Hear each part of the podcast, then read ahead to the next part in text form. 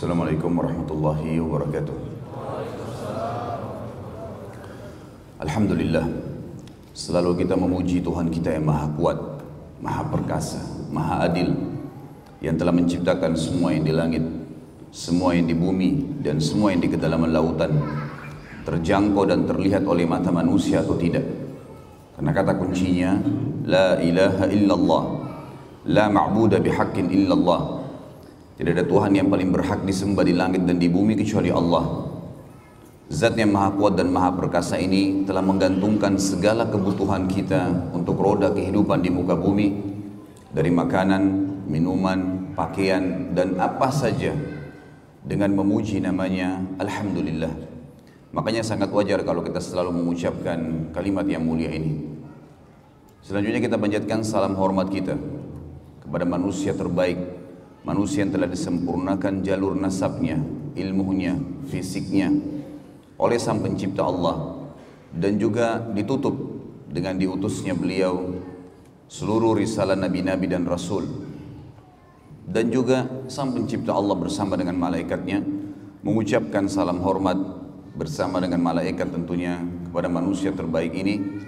Maka sangat wajar sebagai orang yang beriman mengejar sebuah nilai ibadah yang telah ditetapkan oleh Sang Pencipta dengan mengucapkan salawat dan taslim kepada Nabi besar Muhammad sallallahu wa ala wasallam. Pertama-tama tentunya karena ini pertemuan perdana kita di dalam materi As-Sirah Nabawiyah dan ini sesuai dengan permintaan teman-teman dari DKA Masjid terutama saudara dan sahabat dekat saya Ustaz Mukhlis jazakallah khair eh, yang meminta untuk kajian sirah yang rutin di Balikpapan sebulan sekali dan semoga Allah Subhanahu wa taala tentunya mengikhlaskan niat kita dan menjadikan ini sebagai tambahan amal kita. Yang kedua, saya memberikan dukungan secara pribadi kepada semua ikhwat dan akhwat yang hadir karena memang majelis ilmu adalah landasan agama kita. Jangan pernah lewatkan satu hari ikhwat dan akhwat sekalian tanpa ada ilmu. Ilmu ini yang saya maksud adalah ilmu agama. Dia akan mendatangkan keimanan. Dan kalau keimanan sudah tertanam dalam hati seorang mukmin maka dipastikan segala sesuatunya berubah. Dari buruk menjadi baik dari pelit menjadi dermawan dari penakut menjadi pemberani dari bodoh menjadi pintar. Berubah semuanya.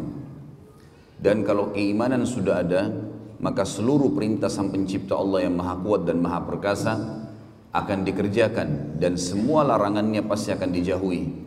Tentu balasan maksimal adalah kita akan masuk ke dalam surga yang kekal dengan izin Sang Pencipta Allah tentunya. Oleh karena itu teman-teman sekalian, saya akan mengucapkan seperti yang baginda Nabi Shallallahu Alaihi Wasallam ucapkan kepada seluruh sahabat yang datang menuntut ilmu, marhaban bitalabatil ilm. Selamat datang para penuntut ilmu.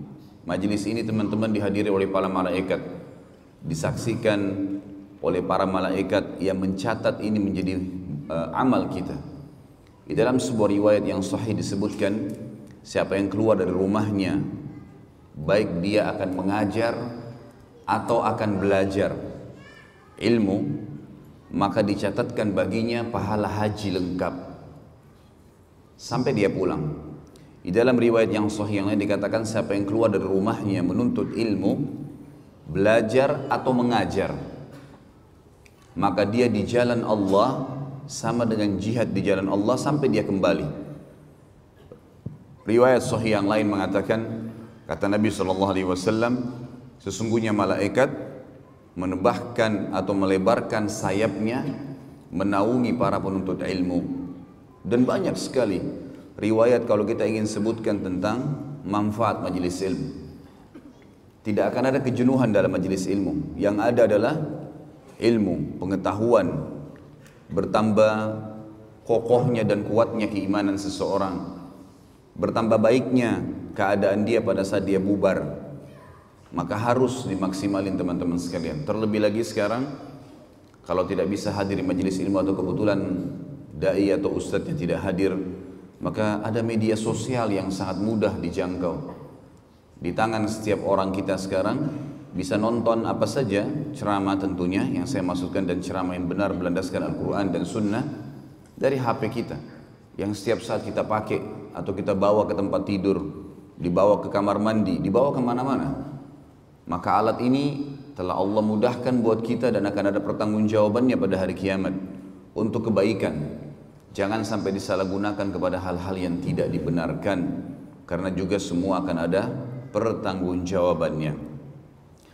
Selanjutnya teman-teman sekalian, sebelum kita masuk ke tema yang ketiga yang saya ingin sampaikan, setelah ucapan saya terima kasih dan dukungan kepada para panitia dan juga kepada teman-teman yang hadir di majelis ilmu, maka metode yang saya gunakan, saya tidak punya rujukan khusus dalam buku sirah, dalam arti kata banyak rujukannya, banyak buku yang saya anggap buku-buku itu adalah rujukan yang bisa dijadikan sebagai pegangan.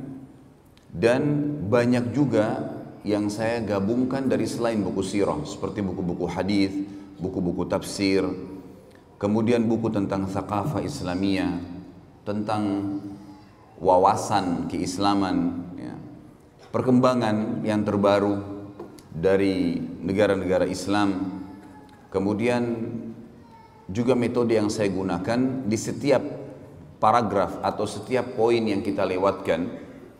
Bila memang ada pelajaran yang bisa kita ambil maka saya akan menyampaikan. Makanya sekitar 38 episode sebenarnya di dalam uh, ceramah sirah nabawiyah yang sudah diupload di YouTube. Itu sudah bertahun-tahun dan belum selesai sampai sekarang kita baru menyelesaikan sulhu Hudaybiyah dan masih ada setelahnya perang Khaybar, masih ada setelahnya Fathi Makkah, ada perang Hunain dan sampai meninggalnya baginda Nabi Shallallahu Alaihi Wasallam. Itu mungkin masih beberapa episode. Kemungkinan besar 50 sampai 60 episode baru bisa selesai di setiap pertemuan minimal dua jam dalam penyampaian. Maka ini metode yang saya gunakan. Jadi teman-teman sekalian Jangan heran pada saat di satu pertemuan tidak selamanya harus langsung selesai clear.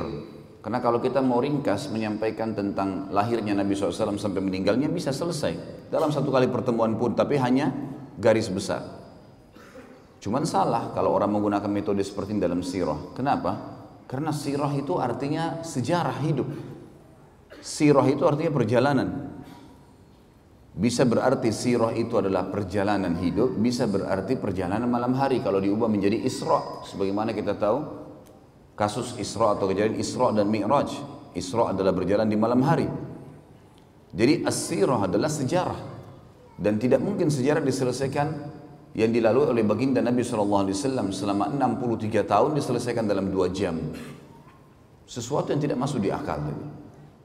Mestinya 63 tahun ya 63 tahun juga kita selesaikan. Karena per hari selalu ada kejadian. Pengalaman-pengalaman hidup. Dan semua kehidupan baginda Nabi SAW pelajaran dan pengalaman karena beliau utusan Allah. Maka teman-teman sekalian mempelajari sirah hal yang luar biasa memang. Kalau saya pribadi, saya pribadi menganggap ini adalah sebuah pondasi dasar dalam menuntut ilmu.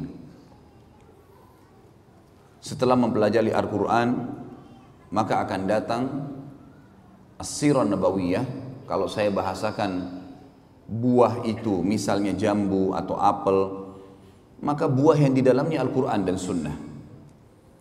Kulitnya adalah asirah artinya melengket satu sama yang lain. Sulit untuk dipisahkan gitu. Kita akan mulai teman-teman sekalian dalam pelajaran kita asirah nabawiyah ini dengan menyebutkan manfaat mempelajari sirah. Yang pertama, ma'rifatun Nabi sallallahu alaihi wasallam. Dengan belajar sirah, kita akan tahu tentang pribadi Nabi sallallahu alaihi wasallam. Bukan hanya sekedar selama ini kita baca buku kemudian kita mengetahui oh Rasulullah sallallahu alaihi wasallam bersabda begini, hukumnya ini begini. Bukan cuma sekedar itu. Tapi kita akan lihat nanti bagaimana dari beliau masih bayi, anak-anak, kemudian remaja, kemudian masuk ke masa pernikahan. Ini semua fase sebelum kenabian. Belum jadi nabi. Kemudian sampai akhirnya ada keturunan, anaknya meninggal. suka duka dalam perdagangan, menghadapi masyarakat, safar. Ya. Kemudian baru kita masuk ke masalah penobatan kenabian dan prosesi uh, prosesi setelah itu dalam 23 tahun sisa umur beliau setelah umur 40 tahun dinobatkan jadi nabi 13 tahun fase Mekah semuanya dengan cobaan. Sedikitnya orang yang beriman gitu kan. Yang beriman dengan 13 tahun berdakwah di Mekah itu hanya 153 orang. Dari sekian ribu orang 13 tahun berdakwah. Bagaimana suka dukanya? Sehingga para dai bisa mengambil pelajaran kita juga bisa mengambil pelajaran. Ternyata Nabi SAW manusia biasa. Beliau makan, beliau minum, beliau tidur, beliau senang, beliau sedih. Beliau menghadapi suka duka kehidupan. Dan itu semua manfaatnya adalah agar kita menjadikan beliau sebagai suri tauladan tinggal mudah ciplak hidupnya baginda Nabi SAW akan selamat. Semuanya. Cara makannya tidurnya berpakaian bergaul berumah tangga berekonomi berpolitik segala macam hal kita akan bahas panjang lebar dalam masalah as-sirah nabawiyah ini Kemudian juga fase 10 tahun di Madinah, akhir hidup beliau sallallahu alaihi wasallam di mana fase itu penyempurnaan kehidupan penyempurnaan kehidupan. Sebagaimana sering saya bahasakan kepada teman-teman kita di zaman sekarang, banyak di antara ikhwat dan akhwat semangat sekali ingin supaya ada negara yang berbasis Islam. Tapi mereka mengkhayal di satu sisi, kalau akan ada seorang presiden doktor dari Madinah misalnya, atau seorang yang hafal Quran, atau mungkin ulama, semua menterinya ulama, maka tidak akan ada pelanggaran agama di negara kita. Ini keliru sekali. Tahu kenapa keliru teman-teman sekalian? Karena ada orang yang merupakan pimpinan kita dan utusan Allah telah diberikan, dijadikan pelajaran oleh Sang Pencipta 10 tahun kehidupan beliau di Madinah. Kehidupan Madinah ada empat golongan manusia yang hidup di zaman Nabi SAW. Yang pertama adalah orang-orang kafir. Kita tahu di Madinah ada tiga suku Yahudi. Qainuqa, Nadir dan Quraidah. Kainuqa, Nadir dan Quraidah. Tiga suku ini yang sekarang banyak di antaranya yang banyak menyebar di seluruh dunia termasuk di Israel. Tiga suku ini Nabi SAW berinteraksi dengan mereka. Ada transaksi jual beli, ada juga transaksi uh, utang piutang Nabi SAW dengan beberapa pendeta, ada dakwah Nabi SAW mengajak mereka masuk Islam, setelah masuk Islamnya salah satu dari mereka namanya Abdullah bin Salam. Nanti akan kita jelaskan semua itu. Kemudian e, kisah bagaimana pada saat kiprah beberapa orang Yahudi yang masuk Islam akhirnya terbunuh mati syahid di perang Uhud yang banyak orang tidak mengetahui gitu kan kemudian juga e, bagaimana Nabi SAW akhirnya mengusir mereka dari Madinah karena pengkhianatan mereka maksudnya apa walaupun pemerintah kita semuanya ulama dari presiden, wakil presiden, menteri segala macam tetap ada interaksi dengan orang kafir teman-teman sekalian. Ada orang kafir yang dikenal dengan kafir zimmi dan ada yang kafir harbi. Nanti akan saya jelaskan itu di poin setelahnya nanti. Di poin mempelajari sirah. Dan bagaimana Nabi SAW bermuamalah dengan mereka. Intinya ada orang kafir di Madinah. Dan Nabi SAW interaksi sama mereka. Jangan lupa kisah anak muda Yahudi yang sakit keras lalu Nabi SAW menjenguknya untuk mengucapkan syahadat dan anak itu syahadat. Artinya sampai boleh menziarahi, mendatangi rumah seorang kafir untuk mengajak mereka masuk Islam. Ada interaksi. Yang kedua, ada kaum munafikin. Ada orang-orang munafik di Madinah. Dan pimpinannya siapa namanya? Abdullah bin Abi Salul. Abdullah namanya. Namanya bagus nggak? Hah? Mana suaranya orang Balikpapan nih? Abdullah. Tapi pimpinan orang munafik dipastikan kekal di api neraka, meninggal dalam kemunafikannya. Jangan heran, di zaman kita sekarang ada orang namanya Muhammad, namanya Ahmad, namanya Yusuf, tampil di televisi, tampil di media, membenci Islam. Kenapa harus heran? Di zaman Nabi SAW ada orang munafik nggak? Namanya siapa? Abdullah. Ambil pelajaran. Ini dari sirah diambil nih. Pelajaran pengalaman hidup. Artinya, walaupun pimpinan kita semuanya ulama, akan ada orang munafik di tengah-tengah mereka. Karena kita tidak lebih baik dari Nabi SAW.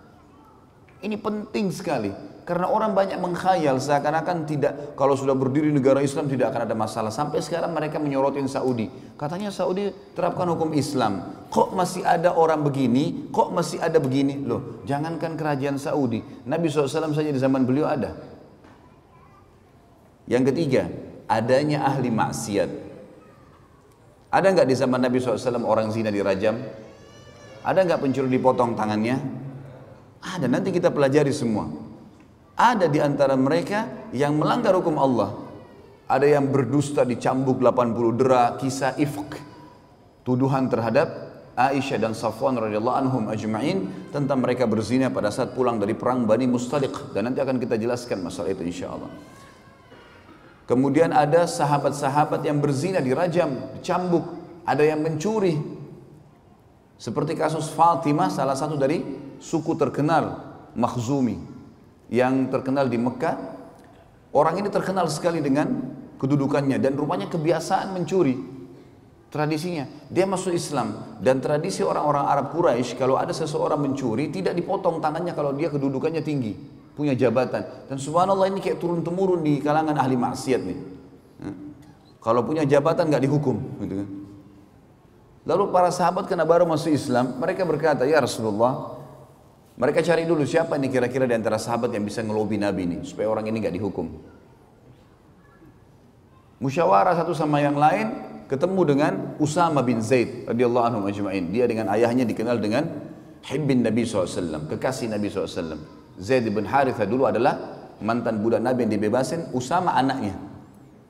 Usama bin Zaid ini yang dijadikan oleh Nabi SAW panglima perang di umur 17 tahun karena keperkasaan jiwanya, imannya. Lalu Usama disuruh masuk melobi Nabi SAW. Ya Rasulullah, ada seseorang yang terkenal dari Mekah, wanita, punya jabatan, kena hukum mencuri.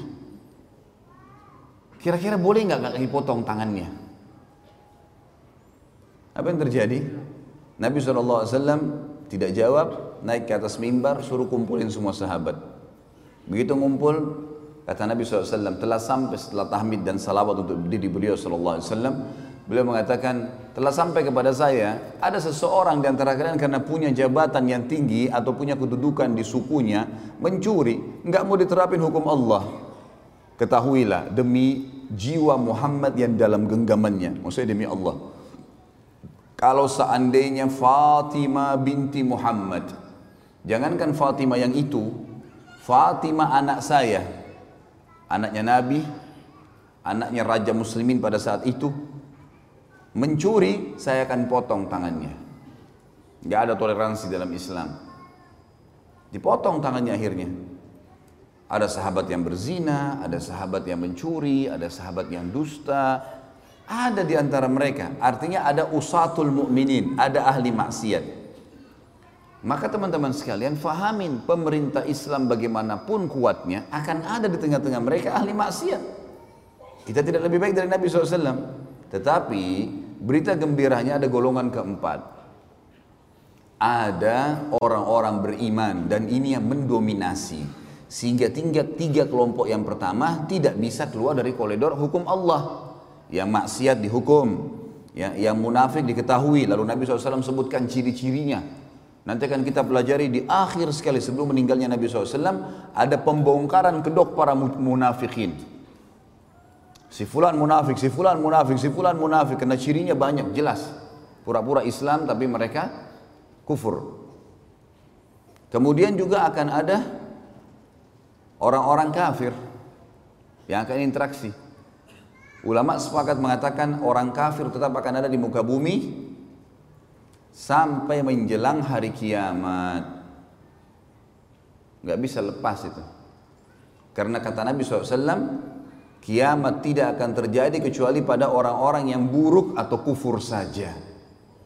Orang beriman semua akan meninggal dengan tiupan angin yang menerpah tubuh mereka.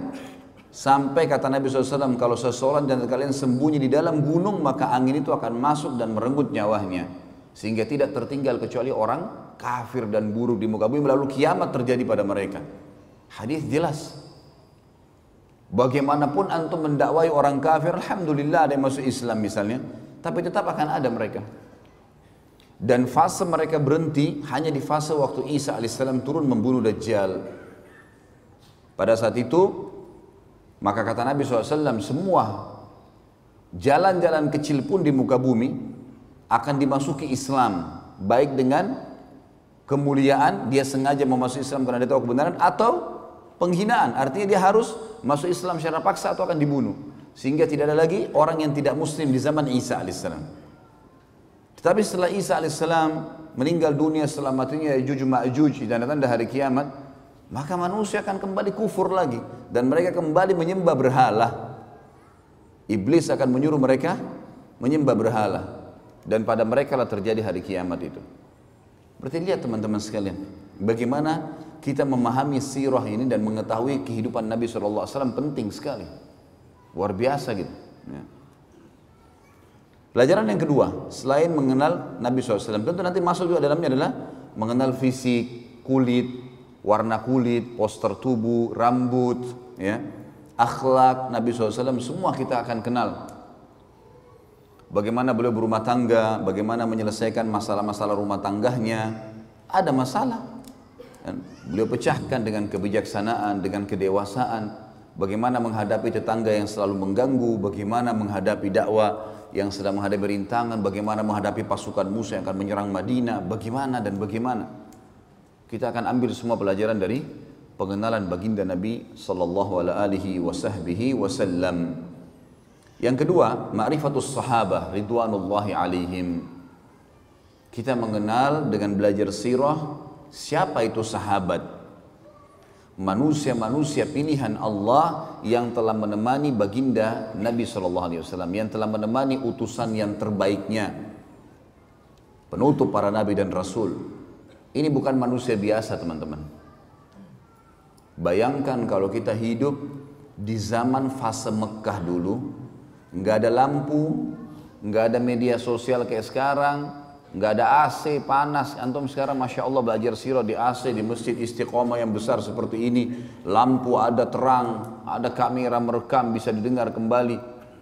Zaman dulu rumah dari tanah liat Mekah dulu itu desa terpencil. Nggak ada orang di dunia yang mau lihat Mekah itu.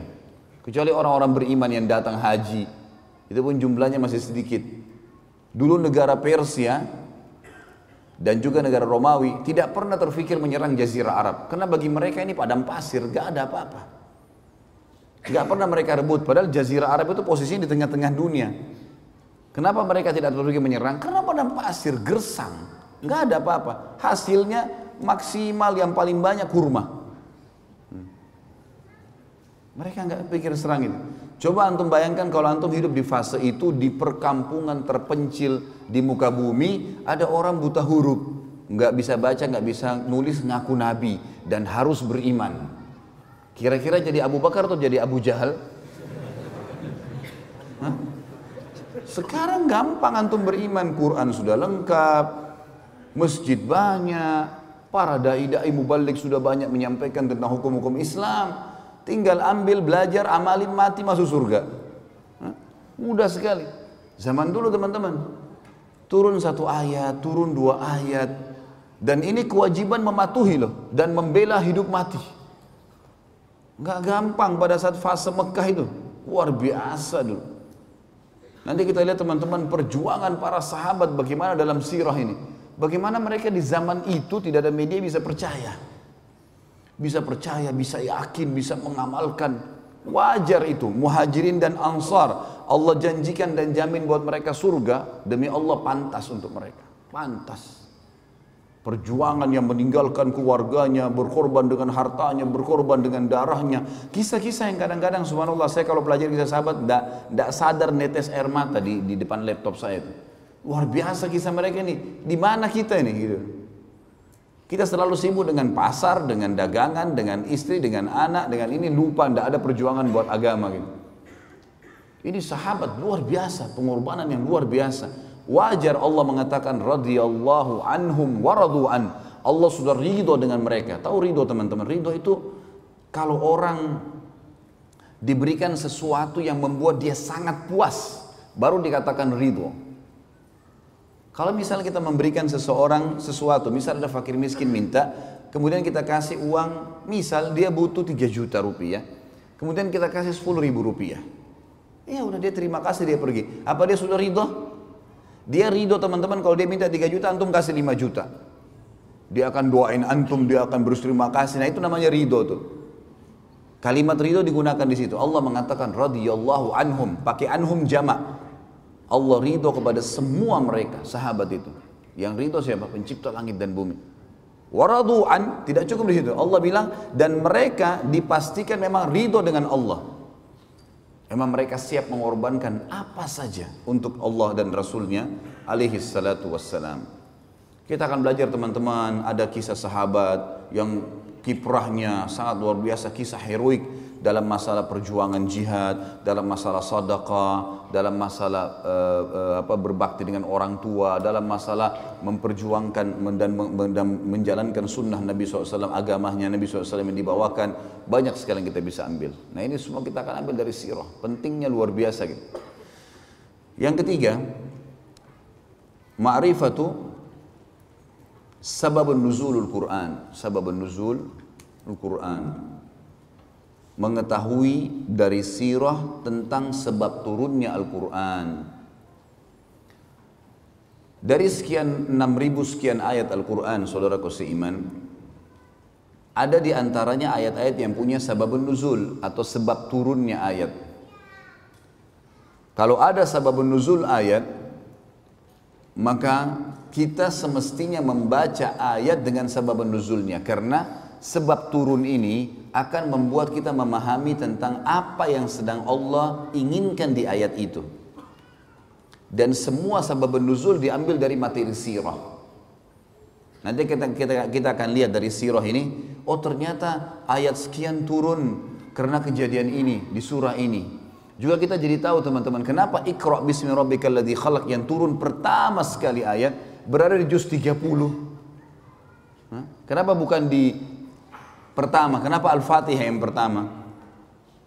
Banyak ayat-ayat Al-Quran yang turun di Mekah itu berada di juz 30 semua, rata-rata di juz terakhir. Padahal awal-awal turun.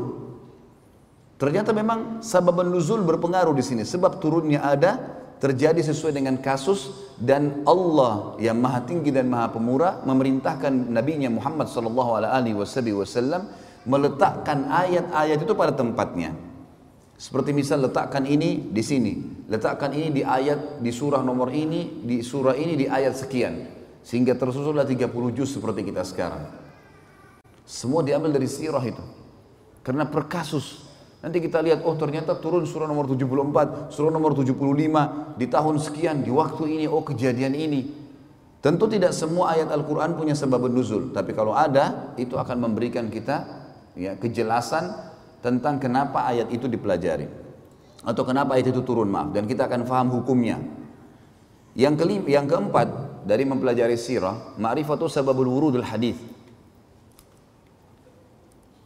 Jadi mengetahui tentang sebab disebutkannya hadis. Sebab disebutkannya hadis. Kalau ayat tadi ada sababul nuzul, kalau ini sababul wurud. Jadi sama dengan ayat tadi, hadis-hadis Nabi SAW ada yang memiliki sababul urut, sebabnya Nabi sebutkan, ada juga yang tidak. Tentu memahami sababul urut penting sekali. Karena dengan mengenal atau mengetahui sababul urut kita tahu apa yang Nabi SAW sedang luruskan di situ. Contoh misal, pernah Nabi SAW dalam hadis Bukhari Muslim jalan di sebuah pasar, kemudian menemukan ada seseorang berdagang jual gandum ditumpuk seperti gunung gitu. Warnanya kuning cerah, bagus sekali. Orang banyak tertarik membeli gandum dari toko itu. Nabi SAW, Nabi utusan Allah, ada wahyu menyampaikan. Maka beliau masuk ke dalam toko orang itu. Begitu masuk ke dalam toko, Nabi SAW mengecek di bagian dalam gundukan. Jadi orang kalau lihat dari luar, oh gundukannya bagus. Dia seakan-akan menyendok dari gundukan itu. Padahal sebenarnya di bagian dalam itu buruk sekali gandumnya kualitasnya lain dan dibasahi supaya bobot berat timbangannya bertambah. Maka apa yang terjadi Nabi SAW mengambil yang buruk itu lalu mengangkatnya sambil mengatakan man gasyana falaysa minna. Siapa yang menipu kami bukan dari golongan kami. Coba kalau antum baca sepintas hadis ini tanpa tahu sebab urutnya. Apa maksudnya? Global sekali. Ternyata Nabi SAW mengkhususkan kaum muslimin. Siapa yang menipu kami bukan dari golongan kami. Ini bukan berarti orang kafir boleh ditipu ya, enggak. Karena hukum yang berlaku pada kaum muslimin ada yang berlaku pada orang kafir seperti enggak boleh gibah, enggak boleh me, me, me, menipu, enggak boleh memukul kecuali ada penyebab syar'i. Ada penyebab syar'i yang membuat kita bisa menghukum dia. Itu pun yang menghukum biasa pemerintah atau mungkin dia tiba-tiba menyerang kita secara pribadi dan dan seterusnya. Ada hukum syari sendiri. Yang kelima, mempelajari sirah juga akan memberikan kita informasi ma'rifatul kuffar wal munafiqin. Kita akan mengetahui tentang keadaan orang kafir dan orang-orang munafik. Siapa sih orang kafir di mata Rasulullah sallallahu alaihi wasallam ini? Sehingga jangan sampai seperti ada sebagian kelompok Islam sekarang, fonis kafir ini, fonis kafir itu. Semua orang dianggap kafir kalau tidak segolongan sama dia. Ini keliru sekali. Dari mana ini? Ada penyebab, gitu kan? Sampai saya bahas ada di YouTube teman-teman sekalian, Nawakidul Iman, pembatal keislaman. Di awal-awalnya saya jelaskan itu, salah, salah satu disertasi S3 yang sangat baik tentunya, tulisan ini Masya Allah. Dan di situ disebutkan banyak pendapat ulama salaf Ya, ulama sahabat tabi'in, tabi' tabi'in yang menjelaskan kepada kita tentang tidak bolehnya fonis kafir kecuali orang yang sudah jelas terfonis kafir sesuai dengan indikasi yang telah disampaikan oleh Nabi SAW di zaman beliau. Orang jelas-jelas murtad tinggalkan agamanya misalnya. Kalau orang hanya melakukan satu perbuatan, yang perbuatan itu kayaknya menuju kepada kekafiran, maka tidak akan terjadi padanya kecuali sudah ada hujah sudah ada argumentasi sampai ke dia. Mungkin dia tidak tahu. Nabi SAW tidak spontanitas menyuruh seseorang memfonis ini bersih kafir. Contoh misal hadis yang sahih menjelaskan perilaku Usama radhiyallahu anhu pada saat membunuh seorang lawan duelnya. Terjadi peperangan dipimpin oleh Amr bin As radhiyallahu anhu menyerang satu suku Arab yang mau menyerang Madinah berhasil menang. Rupanya ada satu orang ngolok-ngolok sahabat mau melawan tapi sedikit melawan lari oleh Usama dikejar. Begitu ketemu duel sama Usama, Usama adalah orang yang kuat itu. Begitu duel kalah orang ini. Orang ini tadinya menyerang Usama dengan pedang dengan kekuatan. Usama tangkis berhasil akhirnya Usama menjatuhkan pedangnya. Begitu sudah itu pedangnya, Usama angkat pedang mau ditebas nih orang kafir ini. Dia mengatakan asyhadu an la ilaha illallah wa anna Muhammad Rasulullah. Orang kafir syahadat. Usama mau tebas berhenti. Ini syahadat. Tapi tadi dia mau bunuh saya ini. Dibunuh sama Usama. Udah. Para sahabat simpang siur. Ini perilakunya Usama gimana? Diingatin Usama. Hai Usama, dia syahadat. Gimana caranya kau bunuh? Jelas tadi dia hampir bunuh saya. Kalau saya kalau saya tidak tangkis, saya sudah dibunuh sama dia. Berarti syahadatnya hanya takut lihat pedang. Udah simpang siur nih, pulang ke Madinah. Tiba di Madinah, diceritakan kepada Nabi SAW, ya Rasulullah begini kejadiannya. Apa kata Nabi SAW? Wahai Usama dipanggil, kenapa kau bunuh dia? Ya Rasulullah tadinya begini dan begitu. Tangkis-tangkisan, cerang, serangan, saya akan dibunuh. Kalau saya tidak tangkis sudah ditebas leher saya sama dia. Kemudian pada saat pedangnya jatuh, dia syahadat. Syahadu la Rasulullah. Maka dia syahadat karena dia takut lihat pedang saya. Apa kata Nabi SAW? Asyakakta an qalbi. Apa kau belah dadanya hai Usama sampai kau tahu dia benar atau tidak? Usama diam. Nabi SAW ulangi. Asyakakta an qalbi. Apa kau belah dadanya sampai kau tahu dia benar atau tidak? Nabi SAW ulangi terus sampai kata Usama, saya berharap mati masuk di kuburan gak keluar lagi. Karena beratnya kalimat itu, gitu kan? Diulangi terus oleh Nabi SAW. Apa kau belah dadahnya sampai kau tahu dia benar atau tidak? Terus diulangi. Artinya apa teman-teman? Hukumnya hukum zahir. Kalau kelihatan orang itu syahadat, kita nggak bisa buat apa-apa. Hukumnya. Kalau ada lagi indikasi setelahnya dia lakukan kekufuran, dia nyatakan lagi murtad misalnya atau apa, itu lain. Tapi kalau enggak, lihat bagaimana Nabi SAW bermuamalah dengan orang yang seperti ini. Gitu kan. Ada juga orang-orang kafir yang Nabi SAW hadapi sesuai dengan keadaan. Ada yang Nabi SAW sengaja suruh bunuh. Seperti kasus Abu Rafi', salah satu pimpinan Yahudi yang selalu menghina Islam. Dibunuh oleh Nabi SAW, disuruh. Salah satu sahabat bernama Abdullah bin Abi Atik radhiyallahu anhu pergi ke sana lalu membunuhnya, gitu kan. Ini memang luar biasa. Setiap ada suku yang mau nyerang Madinah dibiayai sama dia. Setiap ada penyair yang menghina Nabi SAW, agama Islam, Allah dibiayai sama dia. Setiap ada penyanyi, penari menghina-hina Islam sambil menari dibiayai sama dia. Orang ini nyerang Islam dari belakang. Nabi SAW mengatakan siapa yang bisa mengamankan urusannya Abu Rafi ini? Kata Abdullah bin Abatik, saya Rasulullah. Maka kemudian dia pergi ke sana sama temannya beberapa orang, masuk ke benteng berhasil membunuh Abu Rafi, gitu kan?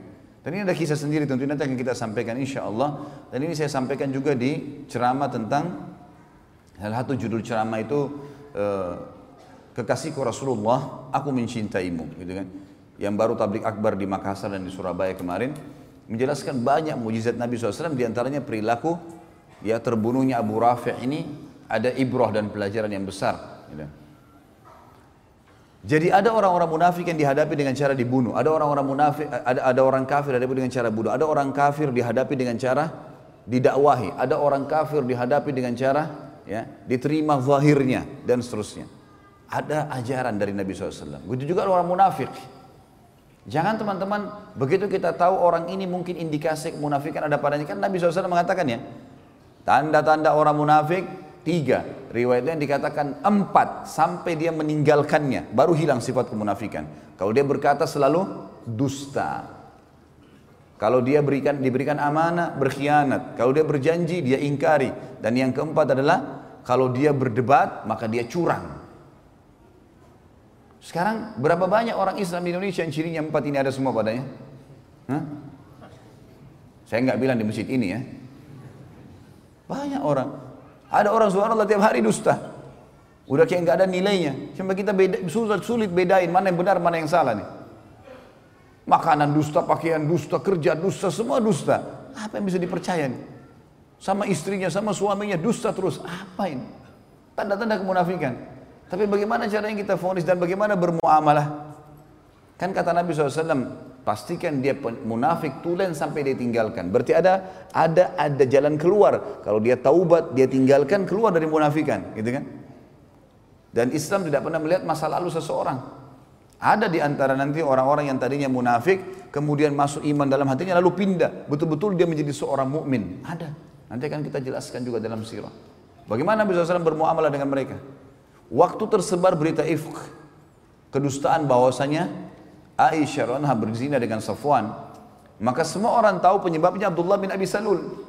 Nanti ada ceritanya, unik sekali ceritanya itu. Maka begitu Nabi SAW sudah tahu, yang paling pertama berdiri Umar bin Khattab mengatakannya Rasulullah izinkan saya tebas lehernya. Bunuh aja orang ini, munafik. Dan Umar selalu setiap ada orang melanggar depan Nabi, ya Rasulullah izinkan. Anda izinkan hilang kepalanya orang ini. Luar biasa kalau Umar hidup zaman sekarang, wah banyak sekali kepala yang hilang gitu. Apa kata Nabi SAW? Tidak hai Umar. Jangan sampai orang-orang ngomong Muhammad membunuh orang-orang yang hidup seakan-akan jadi sahabat. Jadi sahabatnya gitu. Seperti ini munafik, jelas-jelas munafik. Nabi SAW tahu. Tapi kan dia berbaur dengan muslimin. Seakan-akan dia bagian dari sahabat. Jangan sampai orang berkata Muhammad bunuh sahabatnya. Sampai tersebar di setiap musuh Nabi SAW Ayo orang-orang Yahudi biasa bilang kalau sudah terdesak kita masuk Islam saja. Karena Muhammad gak mungkin bunuh sahabatnya. Sampai tersebar itu sebuah konsep. Berarti ada cara menghadapi orang munafikin. Dakwahi. Sampaikan. Bukan seperti orang kafir, misalnya ada yang dibunuh. Enggak ada. Kecuali ada penyebab-penyebab syarikat. Dia berzina, dirajam, atau dia misalnya uh, apa namanya membunuh maka dia dibunuh dan seterusnya. Jadi ada metode cara menghadapinya. Dan Siro mengajar kita dengan sangat detail Bahkan kejadian di zaman Nabi SAW per individu. Per individu, gitu kan. Serta pelajaran yang luar biasa teman-teman sekalian adalah Islam tidak pernah melihat masa lalu seseorang. Ini kalau teman-teman ikuti ceramah di YouTube ada judul yang saya angkat, iya inilah aku sekarang. Dakwah atau sebuah ceramah yang semoga Allah SWT ikhlaskan. Ini tujuannya untuk memberikan motivasi kepada ikhwat dan akhwat yang berubah. Gak ada aibnya. Dulu pezina, dulu pemabuk, dulu perjudi, dulu dulu kafir, dulu memerangi Islam. Tapi setelah syahadat selesai semua. Karena Islam tidak membenci individu seseorang. Yang dibenci adalah perilaku yang salah. Umar bin Khattab dulu benci sekali sama Islam. Umar bin Khattab itu kalau keluar, khusus keluar dari rumahnya waktu di Mekah untuk nyiksa kaum muslimin. Khusus. Keluar ganggu pukul orang, siksa orang, orang muslimin. Sampai waktu itu tersebar berita kalau Umar kemungkinan masuk Islam. Kata beberapa sahabat apa? Kalau Umar syahadat, unta juga bisa syahadat. Kayaknya mustahil gitu, nggak mungkin. Tapi dia setelah syahadat, Hah? Islam nggak lihat lagi masa lalunya. Umar yang mengaku mengatakan saya seorang khamar, orang yang suka minum khamar dan khamar banyak sahabatnya kan? Khamar itu banyak relasinya selalu ke khamar, zina, macam-macam judi. Memang perilakunya satu sahabat semua itu. Sama antum kalau hadir majelis ilmu sahabatnya masjid, ya, sahabatnya Quran, sahabatnya kitab, memang begitu. Itu sahabatnya. Jadi kita kena satu sahabatnya kena semua itu. Ini. Makanya jangan buka pintu itu. Orang yang buka pintu kesalahan seperti orang yang ada di di mulut jurang. Jangan coba-coba. Sekali tergerincir susah keluar. Kecuali mendaki, susah. Maka jangan coba-coba. Sementara keimanan dan jalan amal soleh ini semuanya jalan lurus, enak. Jalan mulus sampai mati, nikmatin makan, minum, tidur segala macam. Setelah itu mati masuk surga, abadi selamanya. Jadi ada metode menghadapi mereka. Dan yang terakhir teman-teman yang kena mempelajari sirah adalah ma'rifatu dinul haniful Islam. Mengetahui tentang agama yang mulia Islam ini. Dari awal kisahnya. Dari awal turun wahyu pertama, wahyu yang kedua, yang ketiga, bertahap selama 23 tahun. Itu yang kita pelajari dalam sirah. Bagaimana proses agama Islam dari nol sampai akhirnya menjadi agama sekarang yang terbesar pengikutnya. Kalau orang betul-betul yang menganut Islam ini teman-teman sekalian karena dalam hatinya, dia tidak akan tinggalkan sampai mati. Karena dia sudah tahu ini kebenaran. Nah, kita akan lihat nanti historinya 23 tahun semuanya bagaimana Islam itu sempurna. Inilah kurang lebih 6 poin manfaat mempelajari sirah. Tentu kalau ada poin-poin lain mungkin keterbatasan saya sebagai manusia biasa. Saya cuma menyusun di tulisan saya enam poin ini. Dan insya Allah mudah-mudahan ini sudah saya berharap dengan izin Sang Pencipta yang Maha Pemurah untuk menjadikannya sebuah poin yang sudah menjadi pelajaran buat kita dan cukup untuk membuat kita ya termotivasi untuk mempelajari sirah dan juga menganggap atau mengetahui dan menyadari sirah itu sangat penting. Kemudian kita masuk teman-teman ke sirah kita. Tentu saya tidak akan memulai dari sejarah Nabi Muhammad SAW. Saya akan jauh memulai sebelumnya. Kita akan mulai dari sejarah Mekah. Dari mana asalnya kota ini? Dulunya tidak ada di situ apa-apa. Padang pasir, lembah. Kemudian kita akan masuk ke kisah kisah kota Mekah, kisah Zamzam, kisah pembangunan Ka'bah, ada poin di situ. Kemudian ada masuk Islam, masuknya agama Yahudi di Jazirah Arab, kemudian masuknya agama Nasrani di Jazirah Arab. Kenapa ada orang Arab tapi beragama seperti agama Yahudi? Kenapa ada orang Arab tapi agamanya seperti agama Nasrani? Orang-orang Arab tapi Nasrani sampai sekarang di Syria di mana-mana ada. Kok bisa? Gitu kan? Maka ada nanti kisah-kisah bagaimana masuknya dua agama properti ini ke Jazirah Arab. Kemudian kita akan jelaskan juga ada kisah pasukan gajah, Abraha, siapa itu Abraha, dari mana dia, kisahnya bagaimana dia masuk ke Yaman, bagaimana kenapa dia termotivasi menyerang Ka'bah, kejadian yang terjadi setelahnya, pelajaran-pelajaran besar yang kita ambil. Kemudian kita akan belajar tentang berkuasanya pemerintah negeri Faris di Yaman. Ini kurang lebih subjudul satu, jadi poin A di tulisan saya. Satu persatu akan kita bahas tentunya. Ini mungkin butuh beberapa kali pertemuan tentunya. Dan nanti akan ada lanjutan poin B-nya tentang masalah fase kenabi, uh, lahirnya Nabi SAW, kejadian-kejadian sebelum beliau lahir, tanda-tanda pada saat beliau lahir, apa saja, kemudian masa kecilnya, masa anak, masa bayi, masa anak-anak, kasus masalah menyusui dengan Halimah Sa'diyah dan seterusnya pelajaran-pelajaran yang kita ambil dari situ sampai masa beliau masuk menikah dengan Khadijah dengan proses perdagangan dan seterusnya kemudian interaksi dengan manusia, penyampaian-penyampaian tentang beberapa pendeta-pendeta Nasrani tentang kebenaran di salah beliau sebelum beliau menjadi nabi. Kemudian baru masuk fase kenabian. Baru kemudian masuk masalah fase kenabian dan segala macam hal yang lengkap berhubungan dengan masalah itu peperangan-peperangan perjuangan Nabi SAW di Mekah peperangan-peperangannya setelah di Madinah dan seterusnya sampai akhirnya ditutup dengan meninggalnya baginda Nabi Sallallahu Alaihi Wasallam. Baik kita akan masuk teman-teman sekalian kisah kota Mekah dan kisah Zam-Zam serta pembangunan Ka'bah. Tentu kita akan mulai dari manusia terbaik yang dikenal juga manusia yang terbaik di kalangan manusia tapi di kalangan para nabi tentunya walaupun beliau adalah kakek kesekian Nabi SAW tetap saja Nabi SAW manusia terbaik ya. karena beliau mengatakan Nabi SAW mengatakan ana sayyidu wala adam walad adam ba yaumal qiyamah saya pimpinan anak Adam pada hari kiamat wala fakhr dan tidak ada kesombongan di situ berarti walaupun ya, Ibrahim alaihissalam yang akan kita sebutkan kisahnya kakek kesekian Nabi SAW juga tetap saja Beliau terbaik di kalangan semua manusia karena dikenal dengan Khalil. Tetapi Nabi SAW tetap walaupun cucu kesekian adalah lebih baik di posisi ya di sisi Allah SWT dari pada ayah atau kakeknya kesekian ini. Ibrahim AS manusia yang luar biasa. Manusia yang Allah Subhanahu wa taala berikan julukan menulisan nabinya Muhammad SAW dengan Abul Anbiya, ayahnya para nabi-nabi. Karena memang kisahnya akan kita Eh, lihat tentunya dengan dua orang istri yang dimiliki oleh Ibrahim alaihissalam. Namun sebelumnya saya akan mulai dulu. Dengan Ibrahim alaihissalam ini di masa kecilnya lahirlah Ibrahim alaihissalam dari dua orang tua tapi yang disebutkan di dalam Al-Quran nama ayahnya Azar. Di zaman itu beliau lahir di Babilonia. Dan Ibrahim alaihissalam dari suku asli Babilonia Babilonia adalah suku e, nama kota di Irak dan ini ada sukunya sendiri. Suku ini teman-teman bukan orang Arab, bukan orang Arab.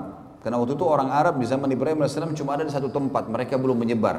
Adanya suku Arab di Mekah, nanti eh, maaf, adanya di Yaman, adanya di Yaman, belum menyebar. Jadi memang setiap wilayah ada suku-suku sendiri.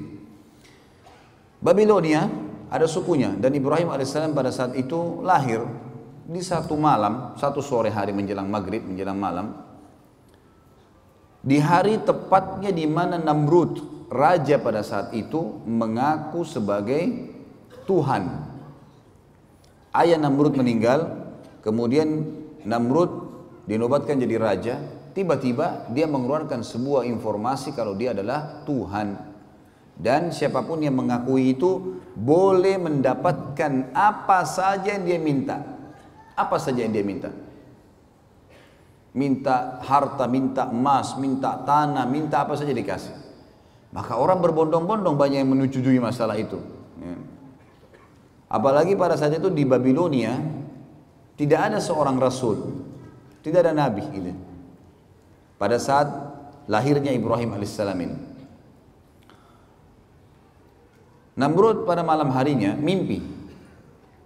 Dia mimpi melihat Kerajaannya hancur, terbakar sana sini. Lalu dia bangunkan semua penasehat-penasehatnya. Malam itu juga waktu dia ngaku sebagai Tuhan tuh. Apa takwil mimpi ini? Kok bisa saya mimpi seperti ini? Mereka semua angkat tangan mengatakan kami gak tahu. Sampai ada satu orang yang akhirnya mengatakan, wahai Namrud, kemungkinan malam ini di Babilonia ada anak yang lahir laki-laki yang akan menghancurkan kerajaan anda. Namrud lalu mengeluarkan sebuah instruksi yang aneh. Dia mengatakan kalau begitu semua anak laki-laki yang lahir di negeri ini malam ini bunuh. Azar salah satu penasihat Namrud, ahli membuat patung. Datang di istana Namrud kemudian dia tahu informasi atau instruksi Namrud ini. Dan dia tahu istrinya baru melahirkan malam itu, sore itu Ibrahim alaihissalam. Maka datanglah Azar ke rumahnya mengatakan kepada istrinya, bawalah Ibrahim ini ke hutan supaya Namrud tidak membunuhnya.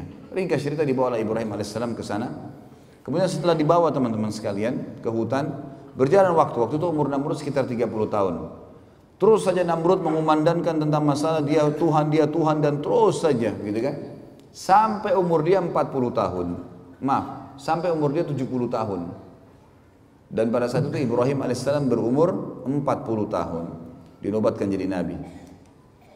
Pergilah Ibrahim alaihissalam waktu diutus hari pertama diutus oleh Allah sang pencipta menjadi nabi dengan cara umum tentunya setiap nabi-nabi biasanya didatangi oleh Jibril alaihissalam.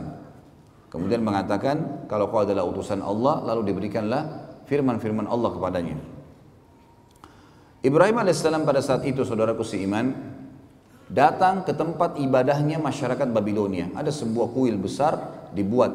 Kemudian Ibrahim alaihissalam berkata kepada uh, orang-orang di sekitarnya pada saat dia masuk ke tempat ibadah itu yang mereka lagi kebetulan duduk di situ kemudian mereka melihat ya atau memberikan sesajen memberikan segala macam Ibrahim alaihissalam ada riwayatnya yang mengatakan sebelum tiba di tempat ibadah itu ada banyak patung-patung di pinggir jalan kemudian dia berkata kepada patung-patung di pinggir jalan itu kenapa kamu dianggap sebagai Tuhan gitu kan lalu tidak ada sautan Kemudian Ibrahim alaihissalam mengambil batu dan melempar wajahnya patung itu. Ternyata juga sama, tidak ada reaksi sama sekali. Karena kita sudah tahu patung tentunya tidak akan bisa bergerak, ya. tidak akan bisa bergerak. Jadi jelas sekali dilempar sama batu tidak, didatangi oleh Ibrahim alaihissalam, dipukul di sekitarnya tidak juga bergerak. Ya. Yang jelas teman-teman sekalian, dengan penolakan Eh, dengan Ibrahim AS melihat itu tidak ada apa-apa, yang sebelumnya pada saat dia dinobatkan jadi nabi, itu dia sempat kejadian ini yang membuat Allah menobatkan jadi nabi, dia duduk di, di hutan, kemudian dia melihat ke bulan di malam hari, dia mengatakan siapa ya Tuhan saya? Kayaknya ini Tuhan saya nih. Lalu kemudian ditunggu sampai dia sampai pagi. Dia sempat menunggu ada suara kah, ada obrolan, tidak ada. Besok pagi terbit matahari, matahari lebih besar. Lalu dia mengatakan ini kayaknya Tuhan saya, ini lebih besar. Gitu. Kemudian juga ditunggu sama dia sampai terbenam matahari, mataharinya hilang. Kemudian dia mengatakan, kalau begitu ini semua bukan Tuhan. Dan saya mengatakan saya menyerahkan diri kepada Tuhan yang Maha Esa dan Maha Tinggi agar ya memberikan kepada saya petunjuk. Maka akhirnya Allah Subhanahu wa taala menjadikan dia atau diberikan dia e, kenabian.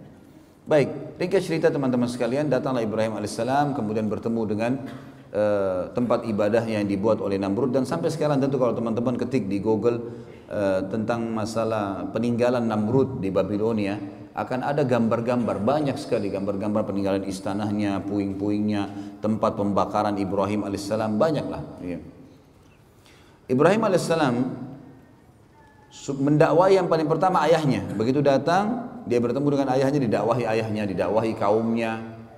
Allah menyebutkan dalam masalah itu dalam Al-Quran, surah Al-Anbiya, surah nomor 21 ayat 52 sampai 73. Surah Al-Anbiya, surah nomor 21 ayat 52 sampai 73.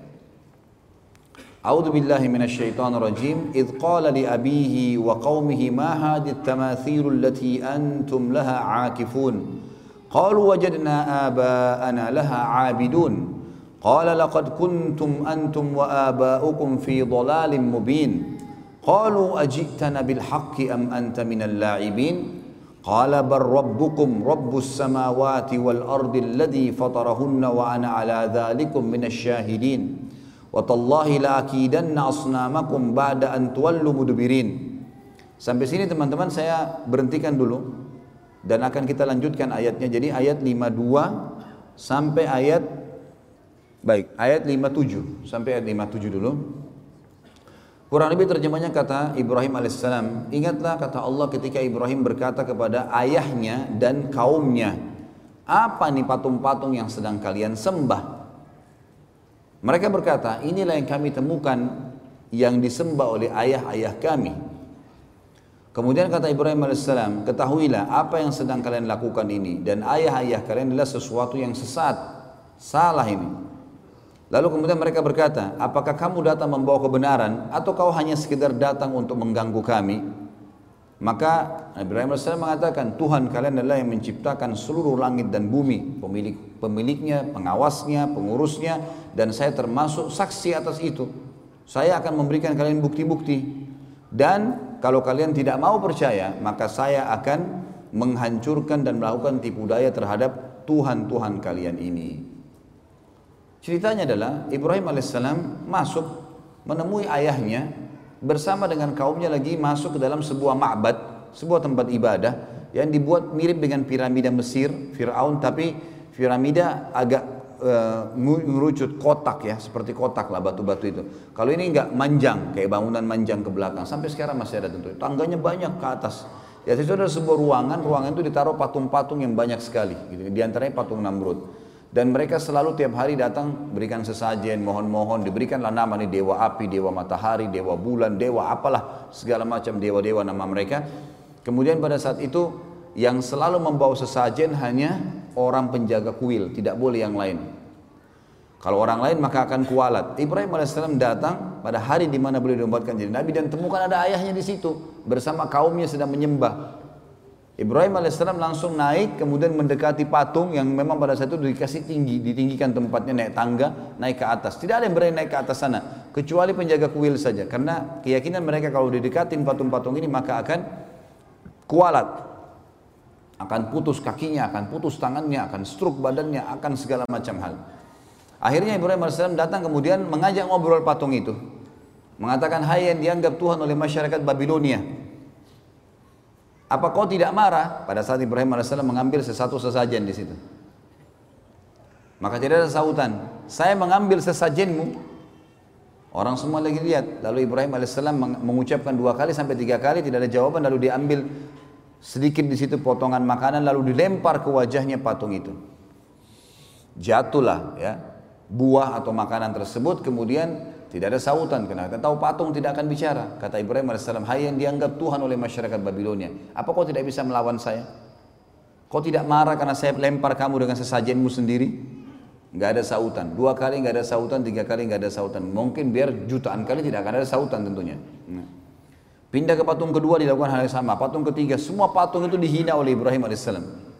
Setelah itu Ibrahim AS setelah keliling dari sisi kanan ruangan sampai ke sisi kiri lalu dia mengatakan, Hai kaumku, lihat ini apa yang kalian sembah. Patung kalian susun sendiri, kalian pahat sendiri, kalian bentuk matanya, kalian bentuk hidungnya. Kalian yang pikul diangkat sampai ke situ. Lalu kenapa kok diminta tolong dari patung-patung ini? Yang telah menciptakan adalah kalian Tuhan, kalian Allah yang menciptakan langit dan bumi. Maka mereka diam, mereka tidak mau. Ya. Lalu Ibrahim mengatakan, saya pasti akan lakukan tipu daya terhadap patung-patung kalian ini. Apa tipu daya Ibrahim? Ayat 5, 8-nya berlanjut. Faja'alahum juzazan illa kabiran lahum la'allahum yarji'un. Qalu man fa'ala hadha bi'alihatina innahu lamina zalimin. قالوا سمعنا فتى يذكرهم يقال له إبراهيم قالوا فأتوا به على أعين الناس لعلهم يشهدون. قالوا أأنت فعلت هذا بآلهتنا يا إبراهيم؟ قال بل فعله كبيرهم هذا فاسألوهم إن كانوا ينتقون فرجعوا إلى أنفسهم فقالوا إنكم أنتم ظالمون. ثم نكسوا على رؤوسهم.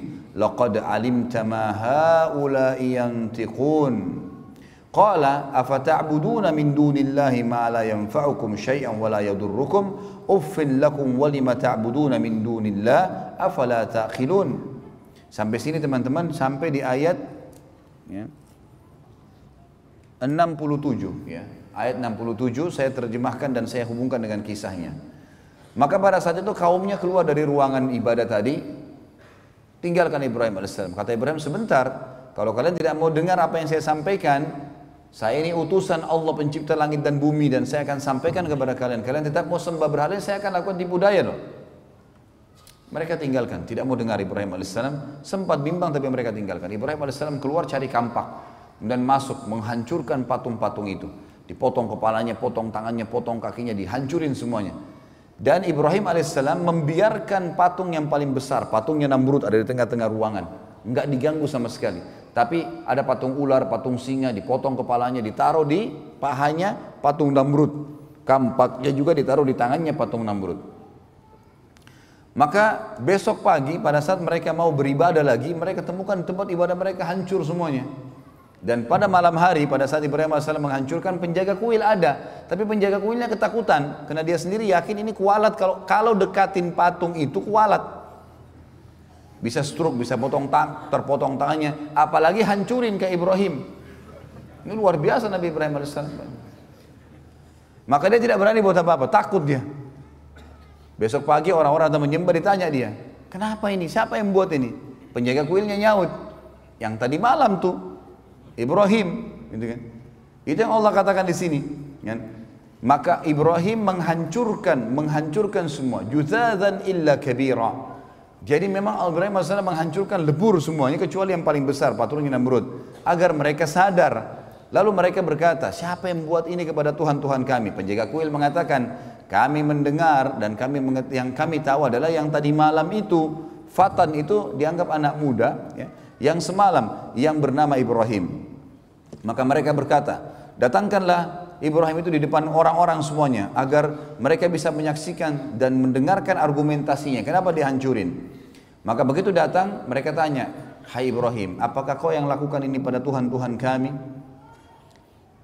Maka Ibrahim berkata, "Bukan." Eh, maaf, Ibrahim mengatakan, "Qala bal fa'alahu kabiruhum." Kenapa tanya saya? Tanya patung yang paling besar itu yang pegang kampak, gitu kan. Tanya kalau dia bisa ngomong, gitu. Maka mereka kembali ke diri mereka sendiri lalu mereka mengatakan sesungguhnya kalianlah yang zalim. Setelah mereka dengar, pikir benar ya. Kata Ibrahim coba lihat, kalau memang dia bisa buat apa-apa, maka dia yang melakukan. Kalau kalian yakin mereka, dia tidak bisa melakukan, lalu kenapa kalian menganggap dia sebagai Tuhan? Karena kebetulan waktu itu semua patung dewa ini mereka anggap di bawah patungnya Namrud. Namrud adalah Tuhan di atas Tuhan-Tuhan semuanya. Paling kuat. Kemudian mereka kembali ke diri mereka kata Allah. Setelah itu mereka salah satu yang mengatakan kayaknya kita yang zalim nih, kita yang salah. Kemudian mereka menundukkan kepala-kepala mereka dan akhirnya Ibrahim menunggangi untuk berdakwah. Kata Ibrahim, bukankah kalian lihat patung-patung ini tidak bisa ngomong sama sekali? Thumma su'ala rusim laqad alim ma haula yang tikun. Kalian tahu ini tidak bisa ngomong sebenarnya. Kemudian Ibrahim mengatakan, apakah kalian menyembah selain daripada Allah yang tidak bisa memberikan manfaat dan mudarat kepada kalian sedikit pun? Sungguh kecelakaan dan terhina perbuatan kalian karena kalian menyembah selain Allah, sementara mereka apakah kalian tidak berakal? Maka pada saat itu ada satu orang yang bilang, kayaknya Ibrahim ini harus kita laporkan ke Tuhan kita terbesar, Namrud. Kata Ibrahim, gak usah repot-repot, saya ke sana. Pagi hari, Waktu itu sudah pagi. Namrud ini punya tradisi teman-teman sekalian setiap pagi dia selalu duduk setelah rapi habis mandi bersih segala ada tirai yang ditaruh antara dia dengan pengikutnya lalu diangkat tirai tersebut ternyata orang-orang begitu lihat dia sujud semua lalu mengatakan wahai Tuhan kami yang agung Namrud gitu. Begitulah ceritanya. Maka pada saat itu teman-teman sekalian mereka eh, Ibrahim AS masuk bersama bondong-bondong manusia begitu tiba di dalam semua orang diangkat tirai semua orang sujud kepada Namrud kecuali Ibrahim AS. 40 tahun Namrud disujuti dan tidak pernah bangkang kecuali pada saat itu. Namrud tanya, siapa kamu ini? Kok bisanya kau tidak sujud dengan saya? Ibrahim AS utusan Allah. Dia nggak pakai nggak pakai ngomong, bukan mengatakan Hai Raja Namrud, apalagi Tuhan Namrud gitu kan. Panggil namanya, Hai Namrud. Belum pernah ada orang berani panggil Namrud begini gitu. Semua orang yang lagi sujud angkat kepalanya. Ini unik ini. Tidak pernah ada orang begini. Dia mengatakan, wahai Namrud, dari mana kau ngaku Tuhan? Kamu manusia biasa seperti saya, seperti kami semua. Punya dua mata, punya dua tangan, punya dua kaki. Kamu juga sama dengan kami, lahir dari bayi, anak-anak, remaja, tua. Seperti sekarang, kau juga akan mati. Yang menghidupkan dan mematikan adalah Allah, Tuhanku dan Tuhanmu, dan Tuhan semuanya. Namrud waktu itu tidak mau kalah. Namrud mengatakan, Baiklah Ibrahim, kalau kau ngaku Tuhanmu itu bisa menghidupkan matikan, saya juga bisa. Mau bukti? Kata Ibrahim, iya. Baik. Tangkap, disuruh pengawalnya, tangkap dua orang laki-laki yang lewat depan istana. Ditangkap dua orang. Yang satu disuruh pergi, dikasih hadiah macam-macam, pergilah. Kemudian yang satu disuruh bunuh, mati di tempat. Kata Namrud, lihat, saya menghidupkan dan saya mematikan. Ya. Ini kan kebodohan, karena orang yang disuruh pergi sudah hidup sebelumnya. Tapi akal-akalan dia, dia mengatakan apa? Ini saya menghidupkan dan saya mematikan. Jibril alaihissalam datang menyampaikan kepada Ibrahim, ini orang ini percuma, diajak dialog di dunia, di bumi, dia akan terus cari akal. Tantang di langit sekalian. Kata Ibrahim alaihissalam, wahai Namrud, Tuhanku dan Tuhanmu Allah. Dan Tuhan segala satunya memindahkan matahari setiap hari dari timur ke barat. Apa kau bisa? Maka terdiamlah Namrud, tidak bisa ngomong. Allah mengatakan nanti kita bacakan ayatnya, fabuhitalladzi kafar. Maka orang kafir itu jadi terdiam, tidak bisa bicara. Karena jengkel, Dia bilang pada pengawal-pengawalnya, tangkap, penjarakan Ibrahim ini, penjarakan. Musyawarah, kira-kira apa jalan keluarnya? Saya mau bunuh Ibrahim, tapi saya nggak mau mati biasa, harus mati yang spektakuler, yang besar, yang membuat tidak ada lagi orang yang membantah ketuhanan saya. Musyawarah demi musyawarah sampai muncul akhirnya ide untuk membakar, karena bakar adalah cara membunuh yang paling menyakitkan. Dari pertama dibakar sampai mati kan tetap sakit gitu loh. Ya. Dibuatlah api dengan biaya yang besar, Namrud kerahkan semua kekuatan sampai terbuat api. Dalam sebuah riwayat Bukhari disebutkan kalau burung lewat dan kena asap uapnya asap itu walaupun tinggi tiba-tiba sudah terpanggang karena besarnya gitu api itu. Panas sekali. Setinggi kurang lebih istana Namrud 40 30 40 siku ke langit. Ini sekitar 17 sampai 20 meter tingginya.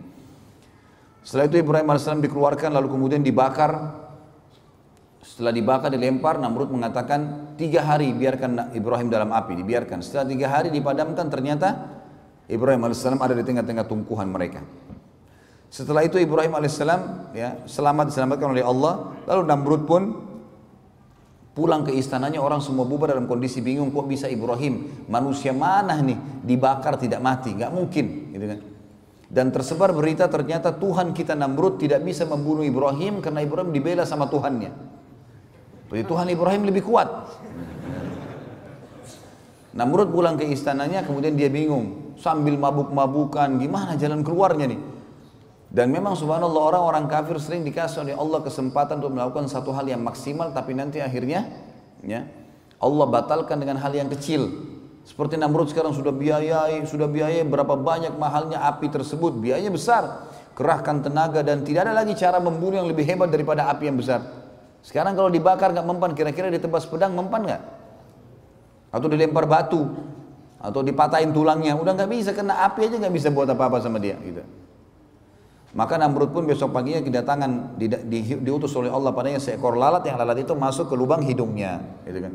Awalnya tentu awalnya tentu Namrud ini dia didekati oleh lalat sampai dia capek Lalat ini selalu datang, ribut dekat kupingnya. Kayak kita kalau lagi ribut dekat kuping lalat, usir datang lagi, usir datang lagi. Bingung juga gimana cara lawannya tuh. Setiap Namrud mau ngamuk marah, lalatnya pergi, nanti kembali lagi. Sampai dia teriak-teriak prajuritnya, bunuh lalat ini, nggak ada yang bisa lawan.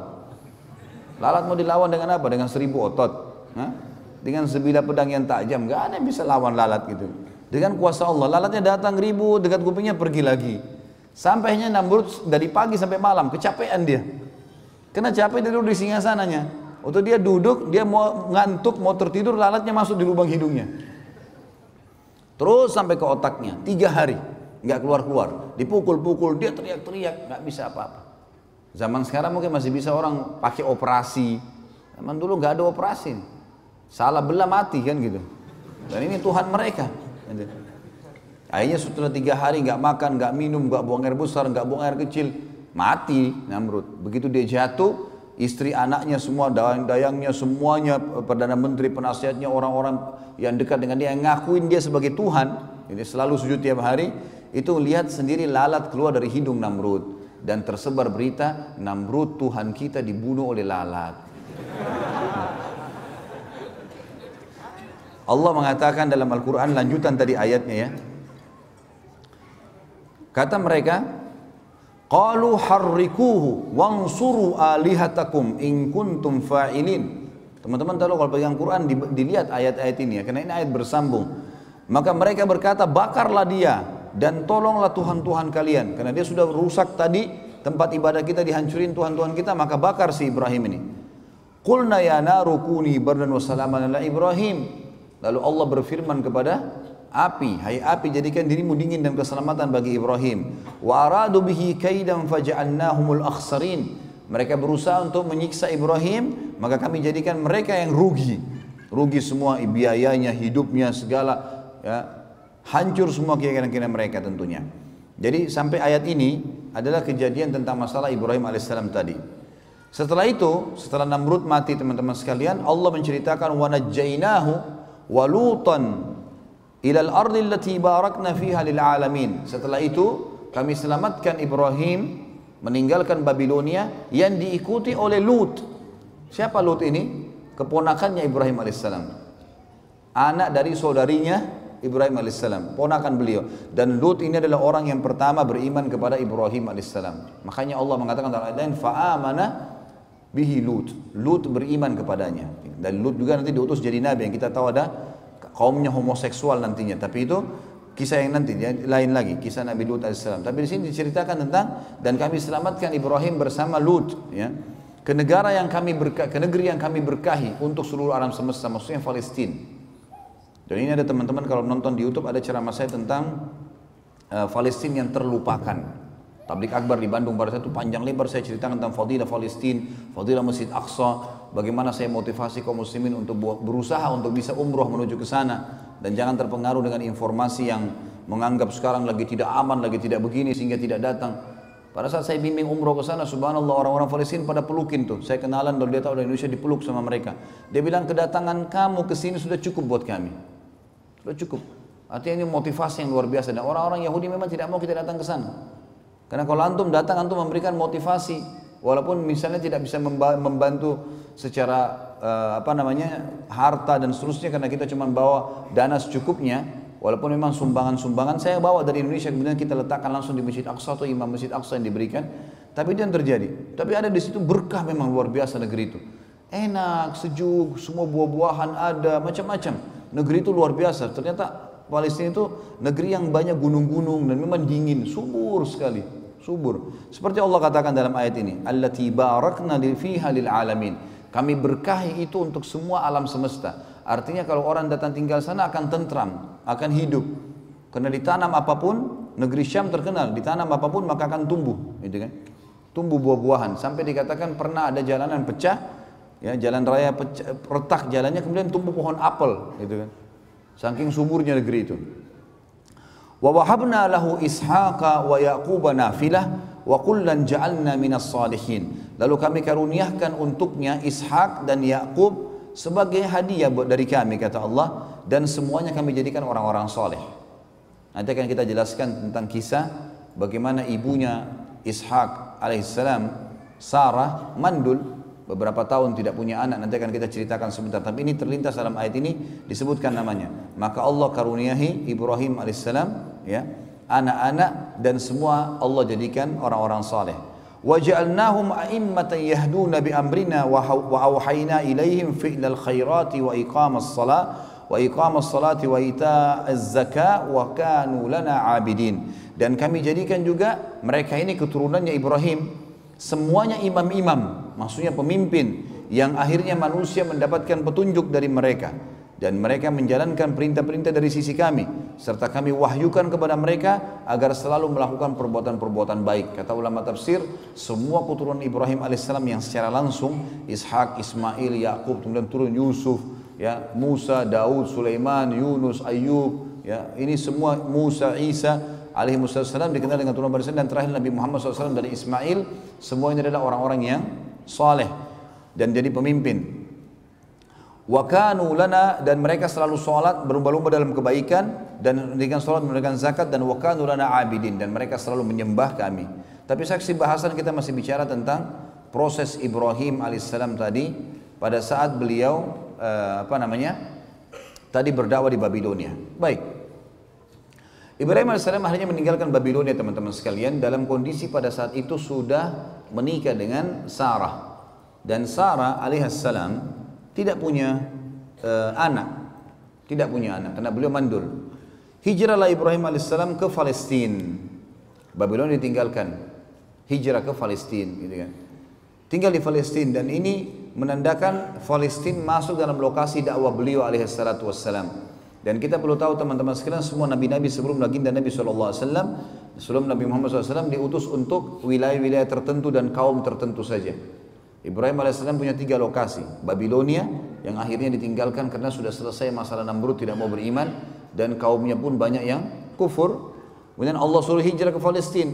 Kemudian di Palestina lah banyak orang yang mengikuti risalah Nabi eh, Ibrahim AS dan kita tahu ada pembangunan Masjid Aqsa di situ Kemudian dan dibangun oleh Ibrahim alaihissalam, kemudian beliau disuruh ke Mekah. Nanti akan kita jelaskan kisah panjang lebar munculnya kota Mekah dan ini juga adalah lokasi dakwah Ibrahim alaihi wassalam.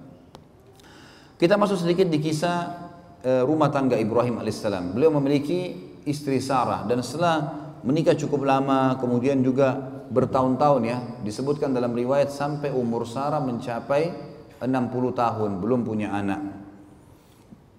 Ringkas cerita, pada saat Ibrahim alaihissalam pergi ke Palestina, hijrah dari Babilonia, beliau satu hari ingin masuk ke Mesir. Dan Palestina sama Mesir dekat sekali. Ya, kalau kita lihat di peta, Cuma dipisahkan ada daratan kecil tapi dipisahkan dengan e, laut merah, ya. Dipisahkan dengan laut merah. Dari laut merah ini bisa orang nyebrang langsung ke Palestina dan sampai sekarang kalau teman-teman e, ke Jordan, kalau umroh plus Aqsa biasanya mampir di Jordan. Di Jordan itu ada satu tepi di laut merah di ujung laut merah itu, itu ada empat negara ber, ber, bertetangga. Palestina, Mesir, kemudian Yordania dan Saudi. Empat negara berdekatan karena di pojok dari Laut Merah itu. Ibrahim alaihissalam pergi ke sana dan waktu itu di Mesir ada raja zalim. Ada raja zalim. Kezaliman raja ini apa teman-teman sekalian? Dia suka mengambil istrinya orang. Penyakit.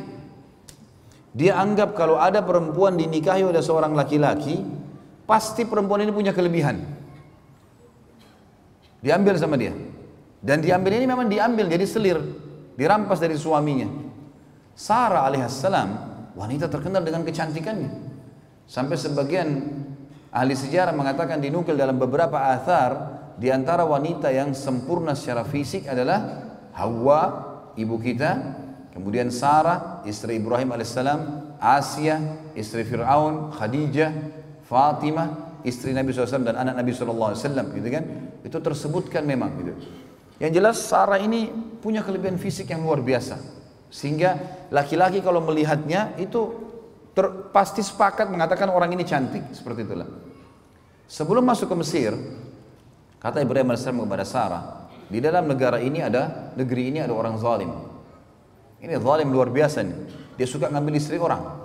Jadi kalau kamu didekatin nanti oleh oleh prajurit-prajurit, jadi raja ini punya prajurit-prajurit ngeliling di jalan-jalan Mesir ada perempuan cantik ditanya kalau ada laki-laki sebelahnya siapa kamu? Suaminya. Langsung dibunuh suaminya diambil. Bawa ke raja. Gitu. Seperti itulah. Diambil secara paksa. Kata Ibrahim nanti kalau kau ditanya siapa, katakan kau saudariku. Maksudnya saudari si iman. Karena ada ukhuwah Islamiyah gitu kan, ada persaudaraan dalam Islam. Islam ini agama yang satu dari dari dari Adam alaihissalam sampai Nabi Muhammad alaihissalam semua agama satu Islam, tidak ada agama lain. Cuma ada pembaharuan syariat. Makanya kata Nabi SAW, saya dan semua nabi-nabi seperti orang yang satu induk. Satu induk. Sama, cuma perbedaan hukum halal haramnya yang berbeda. Tidak boleh dipungkiri salah satunya. Kalau kita sekarang ada yang mengatakan Musa bukan nabi, kafir. Atau Isa bukan nabi, kafir. Nggak boleh. Semua harus kita yakini. La nufarriku baina ahadin min rusuli. Kita tidak beda-bedakan di antara para nabi-nabi dan rasul, tapi risalah yang diterapkan adalah hukum yang diterapkan adalah yang dibawa oleh nabi terakhir alaihi salatu wassalam Nabi Muhammad sallallahu alaihi wasallam. Yang jelas teman-teman sekalian, kata Sarah baiklah. Begitu masuk di Mesir, dengan hikmah Allah, ternyata orang Mesir, eh, prajurit Mesir Raja Salim ini lihat Sarah. Begitu dia langsung didatangin. Pertanyaan pertama ditanya, siapa kamu? Ibrahim mengatakan saya saudaranya. Tanya Sarah, siapa kamu? Saya saudarinya. Tapi karena cantiknya Sarah, dia nggak peduli lagi. Mau suami, mau bukan, pokoknya ambil. Tangkap nih orang. Ini yang disuka sama raja nih. Dibawa. Ibrahim AS tidak boleh ikut, ditahan. Bawalah Sarah alaihissalam masuk ke istana raja. Begitu lihat rajanya langsung nafsu mau mendekati.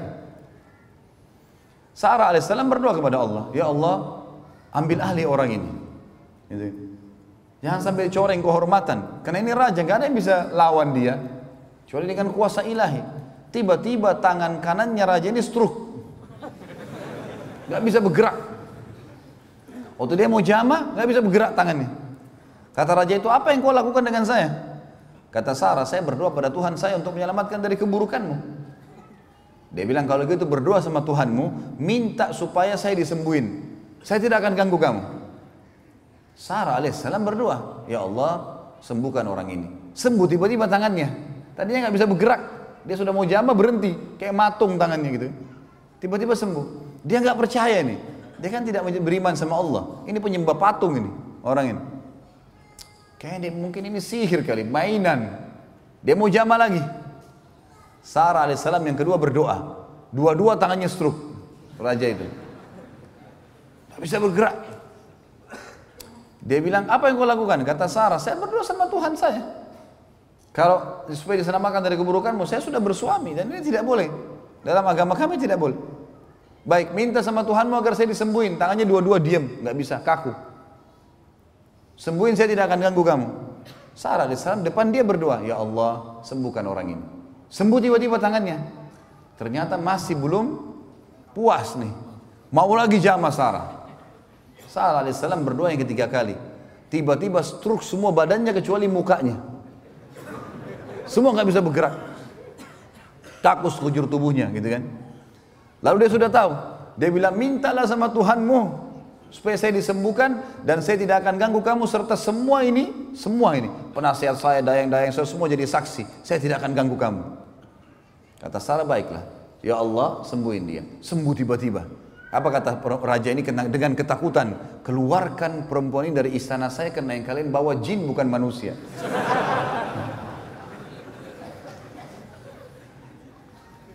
Keluar Sarah alaihissalam merasa aman dikeluarkan, tapi raja ini ketakutan.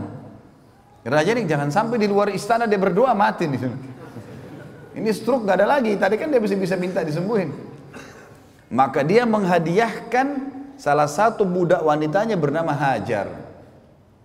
Raja Mesir ini menghadiahkan budak wanita bernama Hajar. Tentu ada ahli sejarah yang mengatakan ini anaknya raja itu. Untuk mengambil hatinya Sarah supaya jangan Sarah berdoa dia kena stroke lagi gitu. Tapi yang saya temukan dalam riwayat-riwayat yang banyak dinukil adalah ini memang hamba sahaya terbaik. Wanita terbaiknya yang dianggap pada saat itu oleh raja gitu. Hadiahkan kepada Sarah. Dan waktu itu umurnya setengah umur Sarah. Umur Hajar alaihis alaih, alaihassalam dan dan e, madunya nanti tentunya adalah Sarah alaihassalam ini setengah umur. Kalau saya tidak salah pada saat itu umur Ibrahim alaihissalam sudah sekitar 40 tahun tentunya ya. Kemudian umur uh, waktu dinobatkan jadi nabi uh, waktu tadi dinobatkan jadi nabi Babilonia kemudian cuma dalam beberapa tahun berdakwah kemudian keluar ke Palestina. Jadi umur Sarah juga sekitar 30 tahun sekian, umurnya Hajar setengahnya. Pergilah Hajar bersama Sarah menjadi seorang pelayan melayani Sarah alaihi wassalatu wassalam sampai umur Sarah mencapai 60 tahun dan tidak punya anak.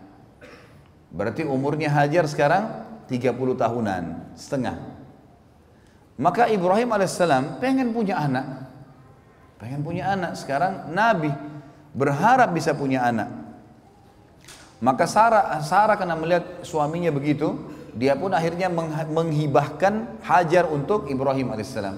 Karena Ibrahim alaihissalam dibebaskan dari keterbudakan lalu dinikahi dalam satu tahun punya anak namanya Ismail. Lahir dari Sarah ini. Gitu kan. Maaf dari Hajar. Makanya waktu Amr bin As radhiyallahu anhu di tahun 20 Hijriah di zaman khilafah Umar bin Khattab mau masuk ke Mesir, kata Amr bin As dalam suratnya untuk Raja Mesir, kami mengajak kalian masuk Islam, diterangkanlah Islam panjang lebar, dan kami mengajak kalian untuk melanjutkan hubungan silaturahim kalian dengan Nabi kami. Kata orang-orang Mesir, apa hubungannya kalian dengan kami? Kami suku Kipti, asli Mesir, dan kalian orang Arab dari Jazirah Arab, nggak ada hubungannya.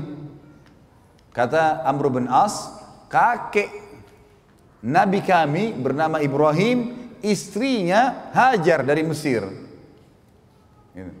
Dan juga Nabi Muhammad SAW memiliki salah satu wanita di bawah naungan beliau, Maria Qibtiyah radhiyallahu anha adalah orang Mesir.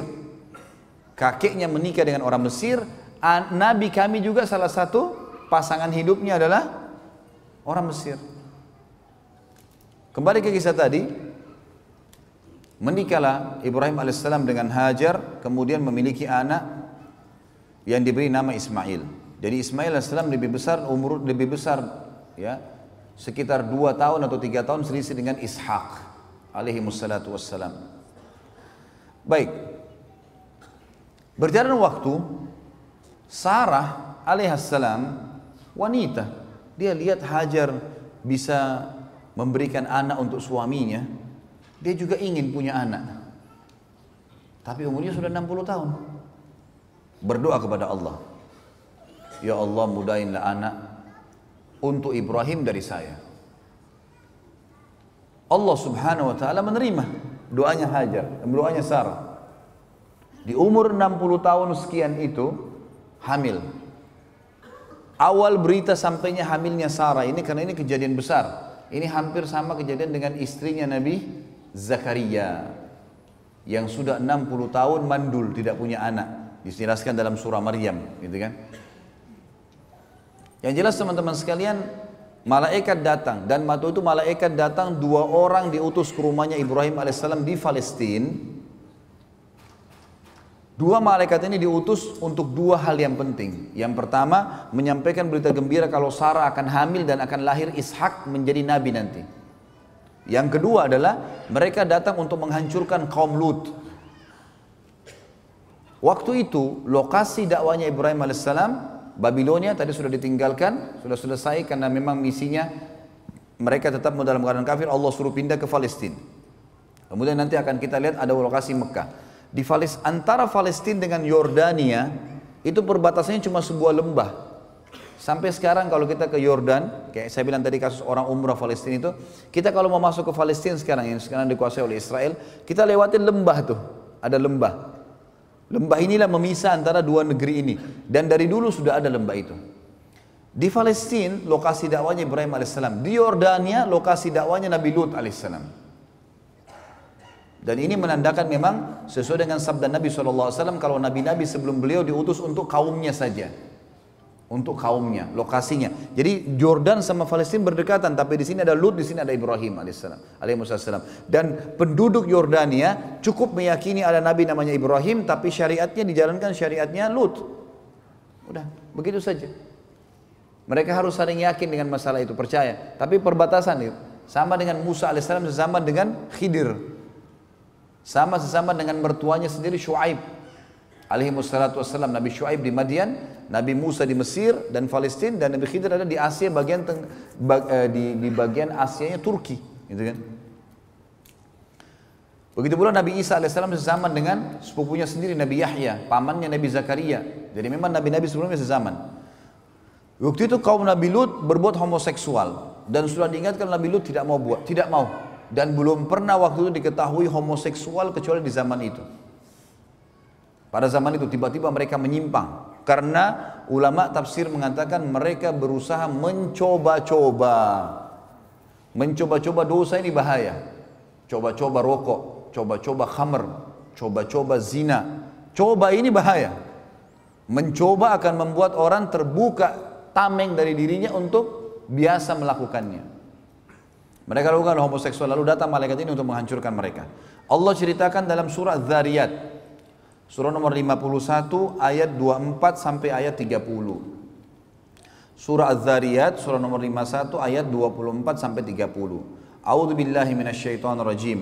Hal ataka hadithu dhaifi Ibrahim al-mukramin idh dakhalu alayhi faqalu salama qala salamun qaumun munkarun faragha ila ahlihi faja'a bi'ijlin samin faqarrabahu ilayhim qala ala ta'kulun فأوجس منهم خيفة قالوا لا تخف. وبشروه بغلام عليم. فأقبلت امرأته في صرة فصقت وجهها وقالت عجوز عقيم؟ قالوا كذلك قال ربك إنه هو الحكيم العليم. Sudah sampaikah kepadamu, hai Muhammad dan pengikutmu, cerita tentang tamunya Ibrahim, yaitu malaikat-malaikat yang dimuliakan. Ingatlah ketika mereka memasuki tempatnya Ibrahim, rumahnya, lalu mereka mengatakan salamun, keselamatan. Ibrahim menjawab, salamun untuk orang-orang yang tidak dikenal. Di sini menandakan teman-teman sekalian, malaikat pada saat itu dua ini datang dalam bentuk manusia, poster manusia. Kemudian mereka bertamu di rumah Ibrahim alaihissalam. Belum sempat cirinya Ibrahim alaihissalam suka sekali dengan tamu. Beliau sampai dikatakan alaihissalatu wassalam itu kalau dihidangkan makan oleh istrinya pasti buka pintu siapa pun lewat dipanggil makan. Pasti, nggak pernah makan sendiri. Allahu alam dengan antum ini bagaimana? Selalu makan sama orang lain, nggak pernah sendiri. Maka waktu datang malaikat ini bilang salamun alaikum kita assalamualaikum gitu kan. Enggak pakai nanya. Ibrahim alaihissalam cuma mengatakan waalaikumsalam untuk orang-orang yang asing, tidak dikenal. Lalu apa yang terjadi kata Allah? Maka dia pun tiba-tiba Ibrahim pergi diam-diam menemui keluarganya di dalam, disuruh tamunya duduk. Dia tidak tanya nih kalian siapa, segala nggak ditanya. Ini ciri orang beriman, nggak pakai nanya. Kalau kita dari depan pagar masih tanya, siapa, mau apa? Orang suruh masuk dulu, kasih minum, kasih makan. Kalau dia tidak jelaskan apa tujuannya, nggak usah. Dia jelaskan baru sampaikan itu adab menjamu tamu. Wajibkan dalam Islam. Kata Nabi SAW, siapa yang mengaku beriman pada Allah dan akhir, dia harus menghormati tamunya. Menghormati kata ulama adalah mengikramnya dengan cara mempersilahkan masuk, menghidangkan makan dan minum, bertersenyum di wajahnya tanpa bertanya, Nanti kalau dia jelaskan, maaf ya saya datang karena ini, baru kita jawab. Harus begitu. Ibrahim AS menjamu begitu. Masuk langsung ke keluarganya dan apa yang dia lakukan? Dia pun akhirnya menyembeli anak sapi gemuk. Ibrahim AS langsung menyembeli, langsung suruh istrinya masak. Setelah hidang langsung dihidangkan ke tamunya. Enggak tahu tamunya ini siapa. Dihidangkan makan dulu. Lalu pada saat dihidangkan kata Ibrahim kepada mereka silakan makan. Tapi mereka tidak mau makan karena itu Ibrahim merasa takut terhadap mereka. Dalam beberapa riwayat disebutkan para malaikat pada saat menye, mengarahkan tangannya ke makanan itu tembus, nggak nggak bisa makan. Gitu. Maka Ibrahim merasa takut. Tapi makna yang paling dekat adalah mereka menolak makan. Aneh, belum pernah ada orang dihidangkan makanan seenak ini lalu tidak mau. Kalau manusia, maka Allah mengatakan, masuklah rasa takut dalam diri Ibrahim. Maka mereka pun berkata, janganlah kau takut hai Ibrahim. Dalam dalam ayat ini dikatakan, karena kami utusan Tuhanmu. Dan mereka memberikan berita gembira kepada Ibrahim tentang kelahiran seorang anak laki-laki yang bernama Ishak. Kemudian istrinya Ibrahim, maksudnya Sarah alaihissalam datang memekik lalu menepuk wajahnya sendiri maksudnya biasanya tradisi orang Arab itu kalau perempuan kaget dia meletakkan kedua telapak tangan di pipinya seperti ini. Ini namanya memekik wajahnya gitu. Kalau antum baca terjemahan yang antum baca Al-Quran sekarang itu di ayat 29 nya dikatakan kemudian istrinya maksudnya Sarah alaihissalam memekik wajahnya lalu menepuk sambil kaget gitu ya. Berkata aku adalah seorang wanita yang tua dan mandul. Bagaimana bisa hamil? gitu. Maka para malaikat menjawab, demikianlah Tuhanmu memfirmankan, sesungguhnya dialah yang maha bijaksana lagi maha mengetahui. Begitulah keputusan Tuhanmu, gak bisa dibantai. Maka Sarah alaihissalam pun akhirnya hamil di umur itu. Tentu di sini ada kisah tersendiri ya. Uh, pada saat Ibrahim alaihissalam bertemu dengan malaikat sempat waktu Ibrahim sudah tahu ini malaikat sempat Ibrahim alaihissalam berdialog. Lalu kalian mau ke mana? Kami mau ke Lut. Untuk apa? Menyiksa kaumnya, gitu kan? Karena mereka begini dan begitu. Ibrahim alaihissalam sempat berdialog, mengatakan apa? Tidak diberikan kesempatan kah? Tidak begini kah? Kesimpulan terakhir kata malaikat, Hai Ibrahim, keputusan Tuhanmu tidak mungkin salah. Udah, pasti mereka akan dihancurin. Gitu. Nanti teman-teman insya Allah, tolong didoakan. Mudah-mudahan saya lagi ngatur, lagi merancang, ikhtiar gitu kan menyusun kisah 25 nabi dan rasul. Dan insya Allah akan kita sampaikan dari Adam sampai Nabi Muhammad SAW ringkas cinta bukan ringkas lah ya secara global mudah-mudahan semampu saya mengumpulkan itu. Dan kita akan ambil pelajaran-pelajaran dari para nabi-nabi dan rasul. Karena sekarang sirah nabi alhamdulillah sudah hampir sempurna. Dan serial sahabat juga sudah ada 15 serial sahabat yang saya sudah bahas. Dan kita targetnya 100 sahabat tinggal serial para nabi-nabi yang insya Allah kita bisa ambil dari mereka. Pelajaran. Baik Nanti akan ada kaum Nabi Lut dan kisah-kisah kaumnya apa yang mereka lakukan, ayat-ayat semua berhubungan dengan masalah itu.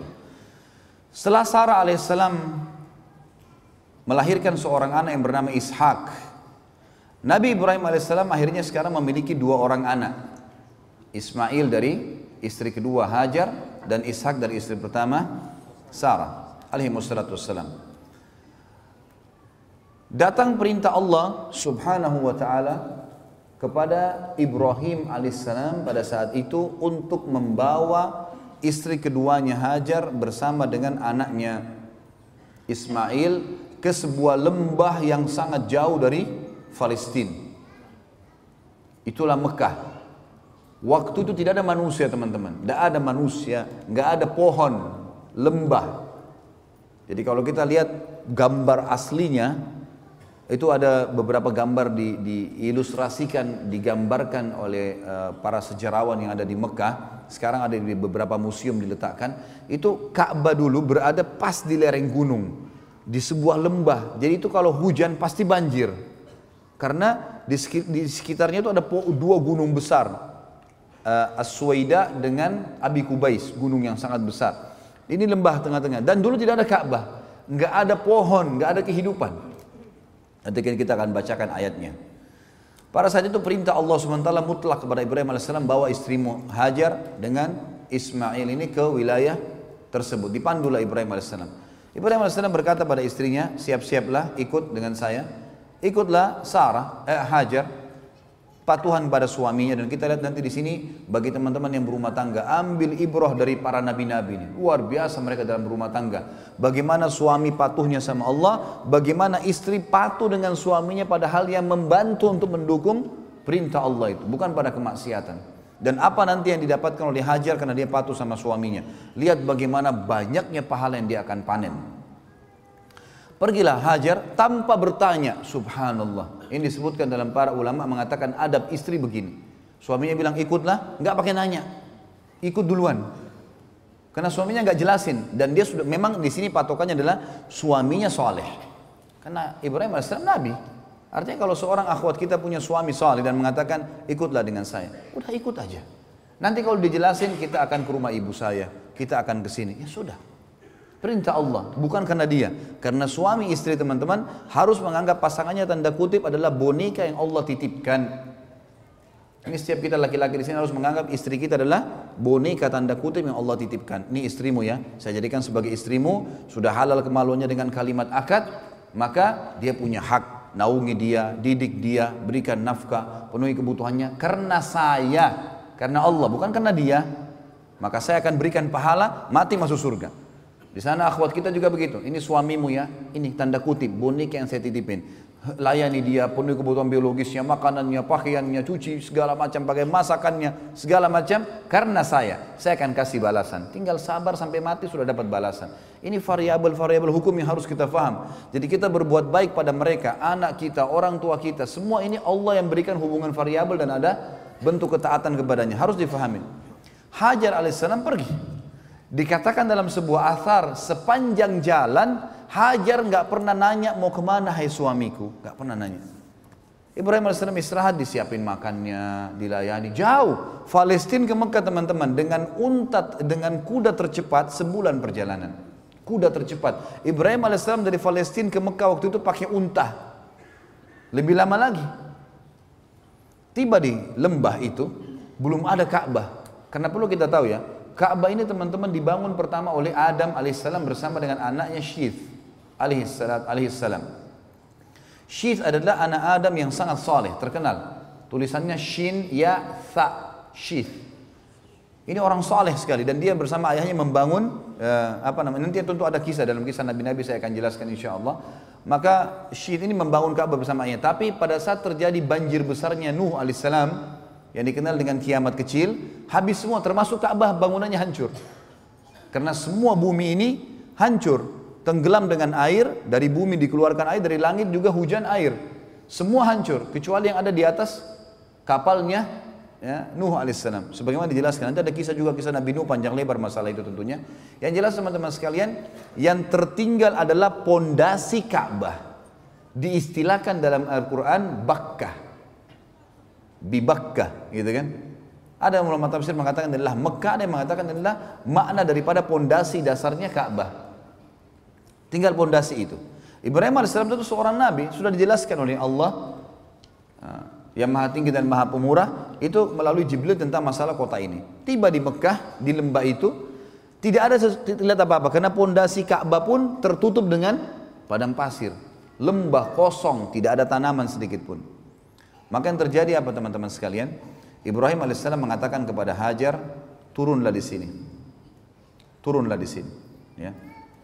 Dan di sini aku akan meninggalkanmu. Ibrahim alaihissalam setelah mengucapkan kalimat itu teman-teman sekalian, membalikkan untahnya mengarah ke Palestina. Cuma itu kalimatnya. Saya akan meninggalkan kau di sini, tinggallah, saya akan pulang. Gak bicara yang lain, langsung arahkan untanya. Hajar di sini sebagai manusia muncul sebuah pertanyaan. Ini lembah tidak ada satu pohon kering gak ada, apalagi pohon basah. Gak ada hewan, gak ada manusia, padam pasir, gunung-gunung batu, gak ada apa-apa sama sekali.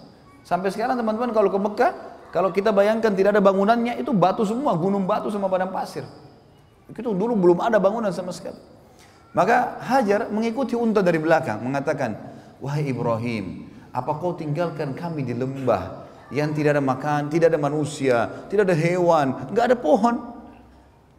Ibrahim alaihissalam sambil nangis jalan. Tidak jawab. Hajar ikuti dari belakang. Wahai Ibrahim, apa kau tinggalkan kami di lembah? Dengan ini bayangkan ya, saya tidak tahu bagaimana kalau ada akhwat kita, suaminya suruh turun dari mobil, diapain tuh mobil? Ini sudah dilemparin batu kali. Ini sudah diletakkan, tak ada sebab, nggak ada penjelasan, masih ikut. Wahai Ibrahim, kenapa kau letakkan dengan santun? Kenapa kau letakkan kami di lembah? Nggak ada manusia, nggak ada hewan, nggak ada pohon. Ibrahim AS sambil nangis jalan di atas unta. Yang ketiga kali ditanya, wahai Ibrahim, apa, kenapa kau letakkan kami di lembah? Tidak ada manusia, tidak ada hewan, tidak ada tumbuhan. Ibrahim nggak jawab. Jalan. Ibrahim ini sebenarnya alaihissalam bisa jawab, tapi berat buat dia. Karena istrinya disuruh oleh Allah tinggalkan di situ. Dan keterangan pun pada saat itu sebagian ahli sejarah mengatakan belum dijelaskan kepada Ibrahim alaihissalam kenapa istri dan anaknya disuruh taruh. Tapi Ibrahim patuh. Nanti suka kita ambil pelajaran bagaimana waktu Ibrahim alaihissalam disuruh menyembeli Ismail. Keterangan cuma mimpinya sembeli anakmu. Enggak ada keterangan yang lain ini. Enggak ada keterangan nanti kalau kau patuhi nanti akan saya ganti dengan sap kambing. Enggak ada. Pokoknya perintah kerjakan. Sama Musa alaihissalam kita ambil pelajaran dari para nabi luar biasa. Disuruh angkat tongkatnya cambuk ke laut merah. Musa tidak tahu ini air mau jadi terbang kamu apa. Pokoknya perintah Allah cambuk tongkatmu. Tongkat ini biasa dipakai untuk mengurus gembalaannya. Tongkat kecil. Musa alaihissalam patuh lakukan. Orang mukmin begitu. Kerjain dulu, nggak usah nanya kenapa. Kenapa duhur sama asar empat rakaat empat rakaat? Kenapa Allah protes lagi? Kenapa nggak dikasih jam dua saja empat rakaat sekali? yang membuat yang menciptakan urat sarafmu mengalirkan darah ngalir situ itu yang mau ciptakan langit dan bumi patuh dulu sebagai hamba kalau ada hikmah nanti hikmah itu melengkap kerjain dulu masa sekarang kalau antum lapar masih bertanya kenapa saya lapar Hah? makan dulu kan nah iya hilangkan dulu laparnya nanti kemudian baru kita mencari tahu apa hikmahnya dan seterusnya yang jelas Ibrahim alaihissalam nangis karena Ibrahim cuma tahu perintah Allah antar istri anakmu di lembah itu turunkan, tinggalkan. Belum ada informasi apa-apa ini. Ibrahim AS lakukan. Makanya waktu Hajar tanya, apa yang mau dijelaskan? Perintah Tuhanku hanya suruh taruh kamu selesai. Tapi Ibrahim berat katakan. Lalu kata Hajar alaihissalam, ini bukti keimanan yang luar biasa. Kata ulama ini bermula daripada awal panen pahalanya hajar yang sampai hari kiamat akan ada. Dia mengatakan apa? Allahu amaraka bihada. Sebentar Ibrahim, apakah Allah yang perintahkan kamu mengerjakan ini? Ibrahim tidak nyaut apa-apa, cuma nganggungin kepalanya. Gak bisa jawab. Hajar dikatakan dalam riwayat dengan suara yang merdu, dengan suara yang santun mengatakan, Idan layudayya'ana. Kalau begitu Allah tidak akan membiarkan kami. Artinya pulanglah Ibrahim, pergi ke mana saja. Saya akan tinggal sama anak saya di sini. Di lembah teman-teman, tidak ada kehidupan, tidak ada manusia. Tapi ini keimanan yang luar biasa. Suami istri yang punya iman yang luar biasa. Ibrahim AS pulang sambil nangis. Di tengah jalan tentu dia berdoa. Ya Allah, Aku tinggalkan keluargaku di sebuah lembah, nggak ada manusia, nggak ada hewan, nggak ada dikatakan dalam Al-Quran biwadin gairi zara. Di sebuah lembah yang tidak ada zara. Zi ini teman-teman dalam bahasa Arab atau zu digunakan untuk menunjukkan sesuatu yang melampaui batas. Misal ada orang pintar sekali, zaki dikatakan dalam bahasa Arab. Tapi kalau orang itu super pintar dikatakan zu zaka. Orang ini punya kepintaran melampaui batas, luar biasa. Digunakan untuk itu. Apa kata Ibrahim? Saya meninggalkan keluarga saya ya Allah biwadin ghairi zi zara. Di sebuah lembah tidak ada zara, tidak ada daun apa namanya batang pohon kering nggak ada. Tapi kata Ibrahim, inda baitikal muharram tapi di tempat lokasi rumahmu yang mulia. Nah ayat ini menjelaskan kepada kita teman-teman sekalian kalau memang di situ ada pondasinya Ka'bah sudah ada.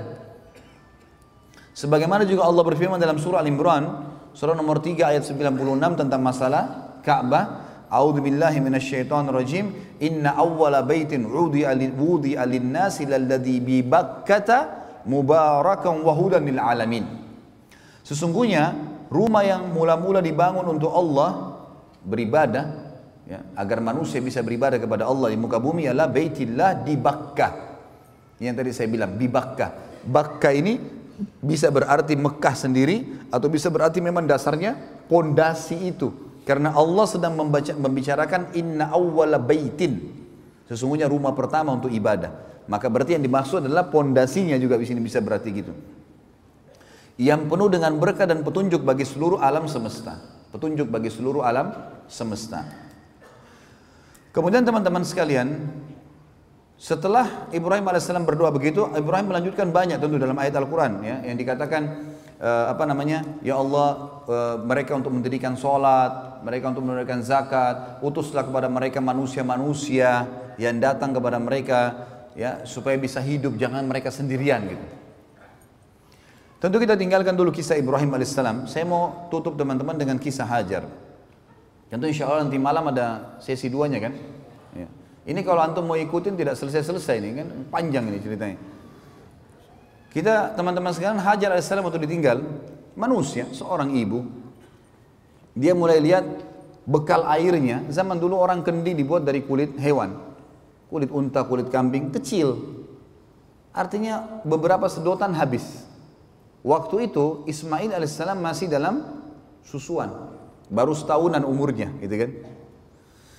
Maka Hajar alaihissalam melihat di sekitarnya, coba ikhtiar sebagai manusia, ada nggak manusia, ada nggak kafilah lewat, ada nggak apa pohon bisa bernaung.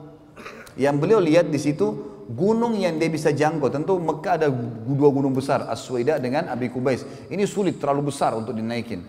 Tapi ada gunung di situ Safa dan Marwah. Gunung Safa dan Marwah. Ini bukit gunung bisa terjangkau, bisa manusia bisa naik. Maka Hajar supaya bisa lihat dari jarak jauh dia naik ke Safa. Naik ke Safa, dia lihat ke arah Marwah. Marwah cukup jauh yang kita tahu kan, itu kurang lebih satu kilo jaraknya. Maka dia lihat ke sana. Nah teman-teman sekalian di padang pasir, emang ini sudah menjadi sesuatu yang ilmiah pun sudah diteliti. Jadi ada fata morgana. Antum kalau melihat di padang pasir, teman-teman kalau pernah di Dubai, pernah di Saudi di musim panas, kita kalau lagi jalan di jalan rayanya, itu dari kejauhan kita seperti lihat ada genangan air. Padahal nggak ada air. Itu fata morgana saja. Jadi itu rupanya pantulan dari wilayah lain yang ada air dengan cahaya matahari dengan hikmah Allah SWT tentunya. Maka Hajar alaihissalam lihat ke arah gunung Marwah. Beliau lihat di sana ada genangan air pantulan dari tempat lain gitu. Maka Hajar alaihissalam melihat di sekitarnya semua padang pasir sana genangan air di Marwah. Dia turunlah. Turun dari Gunung Safa menuju ke Marwah. Di tengah-tengah lembah, di tengah-tengah lembah, beliau berlari kecil untuk mem e, membantu dirinya supaya bisa naik ke Marwah. Naiklah ke atas. Naik ke Marwah nggak ada air. Dia balik lagi arah matanya ke arah Safa, Dilihat di sofa ada air. Turun lagi dari Marwah ke sofa. Di tengah-tengah lembah lari lagi untuk naik ke sofa. Begitu terus sampai tujuh kali. Dan subhanallah, karena keikhlasan Hajar alaihissalam, ini yang saya bilang teman-teman. Kadang-kadang pelajaran seperti ini jarang disinggung. Karena keikhlasan mematuhi perintah Allah pada suaminya dan patuh pada suaminya. Kemudian dia berusaha ikhtiar mencari sesuatu buat dirinya hidup. Allah menjadikan perbuatannya itu abadi sampai menjelang hari kiamat. Kenapa? Karena Allah jadikan semenjak itu di syariat Ibrahim alaihissalam, di syariat semua nabi-nabi sesudahnya dan syariat Nabi Muhammad SAW sampai hari kiamat terjadi sebuah hukum di haji dan umrah Safa dan Marwah sa'i. Artinya setiap orang yang sa'i dipanen pahalanya oleh Hajar alaihissalatu wassalam. Saya subhanallah setiap kali sa'i saya melihat orang ribuan orang sekarang di Masjid Haram 24 jam.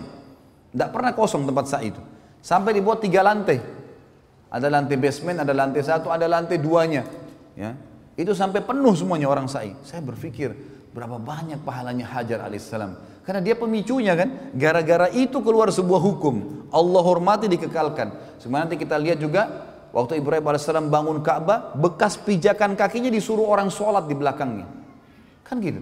Ini karena menghormati bagaimana perjuangan-perjuangan mereka dalam agama. Bagaimana Allah menilai itu. Tinggal butuh patuh saja. Semua bekas kepatuhan dengan keikhlasan akan berbekas menjadi amal jariah yang besar. Itu poin yang harus disadari teman-teman sekalian. Maka Hajar alaihissalam setelah tujuh kali bolak-balik ternyata sama nggak ada. Dan sekarang menjadi sebuah hukum dari sofa ke marwah itu selalu hitungannya ganjil tentunya. Satu, tiga, lima, dan tujuh. Dari Marwah ke Safa yang genap. Putaran kedua, putaran keempat, dan putaran keenam. Karena kadang kalau saya pandu jemaah haji atau jemaah umroh saya, saya bahasakan begitu. Supaya nggak lupa, pokoknya dari Safa ke Marwah selalu putaran kita yang ganjil tuh. Yang satu tiga empat satu tiga lima tujuh dan Marwah ke Safa itu yang genap, dua empat dan enam gitu. Dan di tengah-tengah lembah, sekarang oleh Saudi tentunya sudah ditutup pakai marmer ya. Dulu itu agak agak cekung, tapi sekarang sudah tutup marmer jadi e, sudah mulai agak rata dan di situ ditaruh lampu warna hijau. Gitu. Ditaruh lampu untuk menjelaskan kalau dulu hajar di sini berlari kecil dan kita sunnahnya berlari kecil. Kalau laki-laki disuruh berlari, kalau perempuan ya mempercepat langkahnya atau berlari kecil yang kita bahasakan tadi. Baik, setelah tujuh kali teman-teman bolak-balik ternyata ini adalah fata morgana nggak ada air, maka Hajar pun ambil ikhtiar untuk kembali ke arah anaknya. Waktu itu Ismail salam ditaruh di tanah, jadi tinggalkan di sebuah tempat yang disusun batu-batu dari padang pasir di sekitarnya untuk menaungi minimal dari panas. Yang terjadi waktu dia kembali alaihissalatu wassalam dia melihat di sebelah kakinya Ismail alaihissalam ada mata air. Ada tiga riwayat yang menjelaskan masalah itu yang duanya masih didoifkan para ulama yang satu disohikan. Yang pertama dikatakan air itu keluar dari sentakan kakinya Ismail pada saat menangis. Dan ini dilemahkan ada riwayat kedua mengatakan keluar dari telapak kakinya untahnya Ibrahim alaihissalam. Ini juga dilemahkan. Yang ketiga adalah ini yang disuaikan Jibril alaihissalam datang dan mengepakkan dengan sayapnya lalu keluarlah mata air tersebut.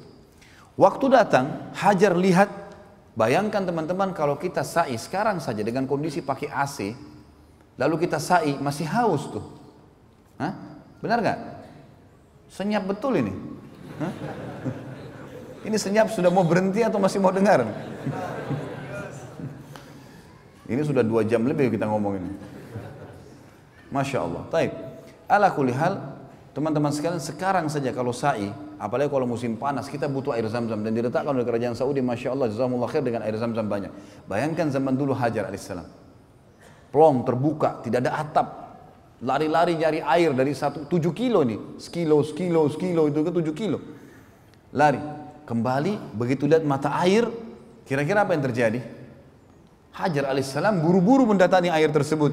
Karena dia tahu dia cuma dua sama anaknya. Lalu dia membuat bendungan dari tanah padang pasir sama tangannya. Alaihissalatu wassalam diputar dibuat bendungan sambil dia mengucapkan bahasanya orang Babilonia. Maaf bahasanya orang Mesir. Bahasa asli Kipti. Dia mengatakan zam zam apa artinya itu? Berkumpullah, berkumpullah. Gitu kan?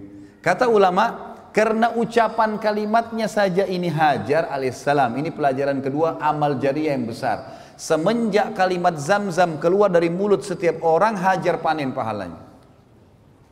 Lihat ibrah yang luar biasa gitu. Bagaimana orang panen pahala hanya karena ketulusan kepada Allah. Sedikit bergerak, pahalanya berlipat-lipat. Gitu kan? Tentang sholat duha misal, saya kasih contoh keluar dari sini. Kata Nabi SAW di atas, di dalam tubuh manusia ada 360 sendi. Kalau dia dia harus bersedekah untuk 360 sendinya sebagai tanda syukur kepada Allah agar sendi-sendinya bisa bagus, bertahan.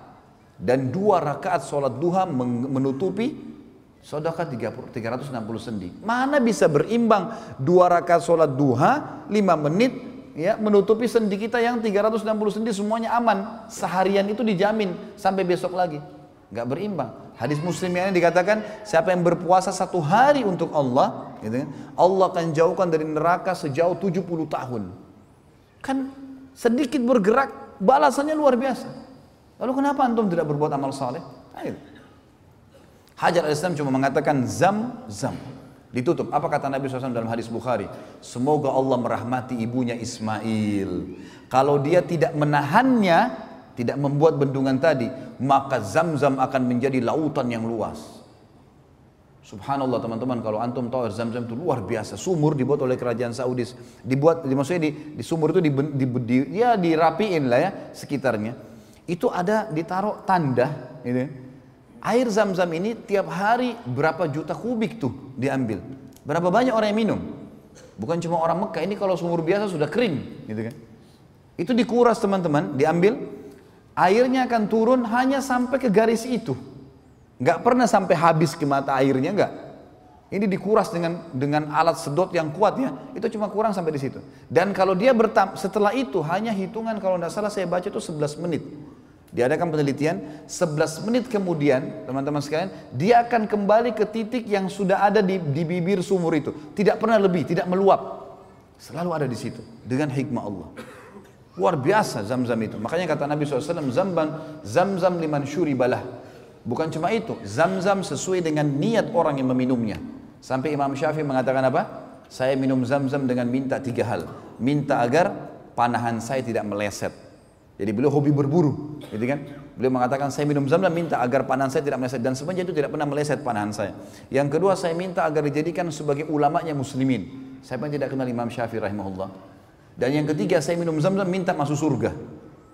Orang faham, ulama faham tentang masalah hadis Nabi SAW zam-zam luar biasa. Dan semenjak orang minum zam-zam, ya, maka hajar pun panen pahalanya. Jadi penyebutan namanya sendiri air zam-zam, air zam-zam itu sudah cukup. Dia menyebutkan.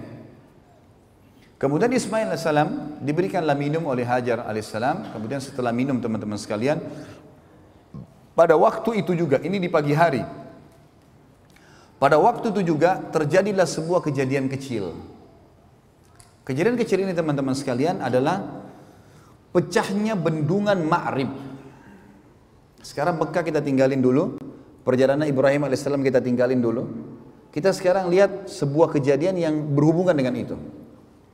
Kejadiannya adalah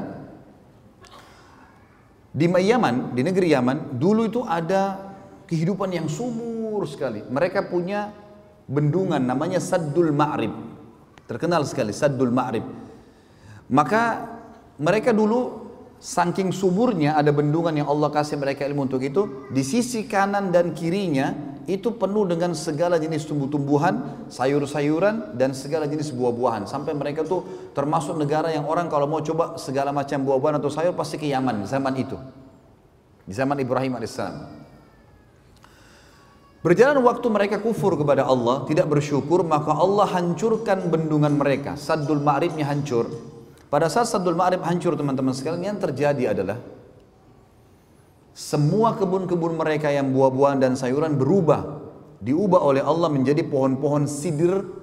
Pohon-pohon e, sidir ya apa bidara yang tidak ada buahnya dan durinya banyak serta pohon-pohon cemara. Jadi nggak berfungsi lagi. Akhirnya apa yang terjadi? Mereka keluar. Suku-suku Arab pertama kali keluar waktu itu dari negeri Yaman. Belum pernah keluar. Tidak ada suku Arab di, negeri, di dunia dulu kecuali di situ dan perlu saya kasih bawah tadi, Ibrahim AS bukan dari turunan Arab, dari suku Babilonia. Gitu kan? Hajar dari suku Kipti di Mesir. Nanti akan kita jelaskan teman-teman akan ada awal mula keluar istilah Arab asli dan Arab musta'ribah. Ini secara histori tentunya. Ya. Ada Arab yang asli, ada Arab yang terarabkan. Semua orang yang menikah dengan turunan Arab atau orang yang menggunakan bahasa Arab, maka dikatakan orang Arab. Contoh misal, Irak itu tadi saya bilang asli Babilonia. Kenapa sekarang bisa dikatakan negeri Arab? Karena bahasanya bahasa Arab. Dan pada saat Sa'ad bin Abi Waqqas radhiyallahu anhu menembus Persia, Irak, Iran, Afghanistan, Rusia, maka yang terjadi adalah uh, wilayah Irak ini banyak yang menikah dengan para sahabat, masyarakat setempat dan terjadilah jadilah mereka negeri Arab. Negara-negara yang tidak menggunakan bahasa Arab seperti Iran, dulunya juga takluk di tangan kaum muslimin. Rusia tidak dikatakan negeri Arab. Mesir juga sisi lain adalah suku Kipti karena waktu Amr bin As radhiyallahu anhu masuk tahun 20 Hijriah ke Mesir, kemudian banyak sahabat yang menikah dengan orang-orang asli sana lalu sampai sekarang mereka menggunakan bahasa Arab di negaranya maka dikatakan Mesir negara Arab. Sama dengan negeri Syam, Palestina. Palestina itu bukan asli orang Arab sebenarnya. Eh, maaf, di Palestina ada asli orang Arab memang. Mereka uh, uh, kalau kalau mereka itu dari suku Adnan, ya. Dari turunan uh, Ismail AS nanti setelah kita jelaskan masalah pernikahan beliau dengan salah satu dari anak kepala suku Jurhum. Kemudian uh, ada Jordania, Jordania itu bukan negara Arab tadinya, Libanon, Syria, ini semua tidak, tidak menggunakan, tapi karena menggunakan bahasa Arab setelah menikah juga dengan sahabat atau para sahabat yang dipimpin oleh Abu Ubaidah bin Jarrah dan Khalid bin Walid radhiyallahu di perang yang terkenal banyak sekali di sana peperangan penembusan uh, uh, negeri Syam, maka mereka jadi bahasa Arab. Sama juga dengan Tunis, Jazair, Maroko, tiga ini terkenal dengan suku barbar, asli suku barbar. Tapi karena berbaur dengan sahabat, menikah dan seterusnya hanya menggunakan bahasa Arab dikatakan negeri Arab. Baik. Awal mulanya suku Arab keluar dari Yaman karena hancurnya Saddul Ma'rib. Keluarlah suku pertama waktu itu namanya suku Jurhum. Suku Jurhum, ya. Suku Jurhum ini teman-teman sekalian adalah suku yang besar, jumlahnya banyak orangnya. Keluar dari Yaman. Mereka tujuannya kalau kalau saya ibaratkan uh, mungkin kotak ini ya, kotak mihrab kita ini adalah jazirah Arab, petah jazirah Arab. Maka Yaman itu berada di selatan, di bagian bawah. Dan negeri Syam, Palestina, Yordania, Lebanon dan Syria di utaranya di atas. Jadi orang-orang Yaman, suku Jurhum ini mau pergi ke negeri Syam. Karena negeri Syam ini teman-teman sekalian negeri yang subur, Pernah tadi saya jelaskan kan, sampai kalau jalannya pun pecah, itu keluar pohon apel, nggak ditanam, nggak diapa gitu, saking suburnya. Mereka kehancur, hancur bendungannya, mereka mau pergi ke sana. Nah, di tengah-tengah antara Yaman sama negeri Syam, ada Mekah, Madinah, di tengah-tengah. Madinah lebih dekat dengan negeri Syam. Mekah lebih dekat dengan negeri Yaman. Makanya nanti kita akan pelajari dalam sejarah kita teman-teman sekalian di sini, sejarah Nabi SAW, itu kafilah-kafilah Quraisy kalau mereka belanja ke negeri Syam, ya, mereka belanja, mereka kalau pulang harus lewat Madinah. Makanya kafilah mereka banyak ditahan oleh muslimin di Madinah itu karena mereka harus lewatin karena Mekah dulu baru Madinah, kemudian baru negeri Syam. Tapi itu nanti ada bahasan insya Allah. Yang saya ingin diberatkan, pada saat itu teman-teman sekalian keluarlah suku Jurhum dari Yaman, dari bawah selatan Jazirah Arab menuju ke Syam. Mereka lewat di lembah Mekah. Mereka tahu ini lembah, lembah padang pasir, nggak ada kehidupan. Tapi mereka kaget, mereka lihat dengan hikmah Allah. Ini pada hari yang sama ya, pada pagi itu. Jadi suku Jurum sudah keluar dari beberapa hari yang lalu nih ceritanya. Tapi mereka pada saat hari tibanya Hajar alaihissalam dengan Ismail alaihissalam di lembah Mekah, hari itu juga dengan hikmah Allah mereka lewat di situ. Dan mereka lihat di lembah itu kok ada burung yang berputar. Biasanya di padang pasir itu kita tahunya ada ada kehidupan, ada air, kalau ada burung yang berputar-putar, gitu kan? Itu menandakan di bawahnya ada air. Mereka bilang, pimpinan sukunya bilang, kayaknya kita nggak pernah tahu di sini ada air nih. Tapi perilaku burung ini aneh, menandakan ada air. Coba pergi lihat, datanglah akhirnya beberapa orang suku ini datang ke sana mereka temukan Isma, Is, uh, Hajar dan Ismail salam Hajar lagi duduk dekat dekat mata air yang terus keluar gitu kan sementara Ismail di sebelahnya yang terkenal dari suku Jurhum dan suku-suku Yaman ini teman-teman adab dan tata kerama. Mereka tidak datang menyerang, mereka tidak ambil. Mereka tahu mata air sumber kehidupan. Ada air hidup semua. Kata Allah dalam Al-Quran, A'udzubillahi minasyaitan wa ja'alna minal ma'i kulla syai'in hayy. Kami jadikan dari air semuanya hidup. Gitu ya. Kalau ada air semua hidup. Kita bisa hidup tanpa makan, tapi kita nggak bisa hidup tanpa Air, nggak mungkin. Air ini harus ada. Lalu mereka pun berkata kepada Hajar, datang pimpinannya, wahai ibu, bisa nggak kami ini suku keluar dari Yaman, kehabisan air, nggak ada. Bendungan kami hancur segala. Kami mau ke negeri, ke negeri Syam, tapi kami temukan di sini ada mata air. Bisa nggak anda izinkan kami hidup bersama anda di sini? Dan kami sedia bersedia membayar upeti. Artinya hasil peternakan kami kami akan berikan kepada anda susunya, dagingnya, hasil apa saja perkebunan kami nanti kami akan kasih. Yang penting kami anda izinkan hidup dekat mata air ini. Hikmah ilahi. Maka tiba-tiba Hajar alaihissalam pada saat itu mengatakan baiklah silahkan tinggal dengan saya gitu kan. Maka tiba-tiba pada hari itu sebelum terbenam matahari kata ahli sejarah terbentuk komunitas masyarakat Mekah. Padahal tadi lembah, nggak ada orang. Pada hari itu mulailah mereka bangun rumah, mulailah mereka bercocok tanam, mulailah peternakannya dikembang biakan, jadilah sebuah kota. Mulai dibangun, gitu kan? Maka terbentuklah awal mula pada saat itu kota Mekah. Dan ini kata para ulama, hikmah ilahi, Allah subhanahu wa ta'ala memang menginginkan itu terjadi, dan juga tentu saja, ya ini juga Allah ta'ala ingin menyelamatkan Hajar alaihissalam yang memang sudah diatur oleh Allah untuk itu dan nanti akan ada kisah Ismail dari masa kecilnya sampai menikah dengan suku Jurhum dan seterusnya ke depannya akan kita sampaikan insya Allah nanti malam. Maka yang di sini kita lihat bagaimana ya e, terbentuk komunitas pertama di Mekah itu. Terbentuk komunitas pertama di Mekah. Baik, ini kurang lebih teman-teman sekalian kisah tentang uh, awal mulanya Mekah, kisah air Zam-Zam gitu kan. Kemudian kisah Nabi kita yang mulia Ibrahim alaihissalam dengan kedua istrinya dengan seluk beluk kehidupan yang sempat kita sampaikan. Dan insya Allah kita akan sampaikan pada pertemuan kita nanti malam lanjutan dari bahasan kita tentang masalah apa sih yang terjadi setelah itu. Ibrahim alaihissalam datang nggak ngunjungin istrinya dengan anaknya di Mekah? Kalaupun iya apa yang terjadi kisahnya? Bagaimana proses pembangunan Ka'bah? Bagaimana penemuan Hajar Aswad? Kemudian bagaimana prosesi diperintahkannya ibadah haji Allahu alam. Ini yang kita sampaikan insya Allah. Bagaimana? Cukup ya? Baik, mungkin sampai sini teman-teman sekalian. Kalau ada yang punya pertanyaan berhubungan dengan tema kita, jangan buru-buru. Ini ditunda nanti malam. Ya. Karena belum selesai. Antum mau nanya apa? Lagian juga kalau antum mau bertanya, kalau di majelis ilmu teman-teman, saran saya begini. Kalau saya sering sampaikan di Jakarta, antum ambil ilmunya, amalkan, pulang, amalkan, mati masuk surga. Gak usah terlalu cerewet nanya ini, nanya itu. Banyak pertanyaan baru tidak diamalkan. Apalagi kalau pertanyaannya propaganda lah inilah segala macam, tidak ada gunanya semua. Ambil ilmu pulang, amalin, mati. Alhamdulillah. Itu dia. Baik, mungkin sampai sini dulu materi kita tentunya teman-teman sekalian. Saya serahkan kepada teman-teman panitia. Fadal. Begitu teman-teman, saya tutup dengan doa. Semoga Allah Subhanahu wa taala memudahkan segala urusan kita di dunia dan di akhirat dan semoga seluruh amal yang pernah kita kerjakan diterima olehnya.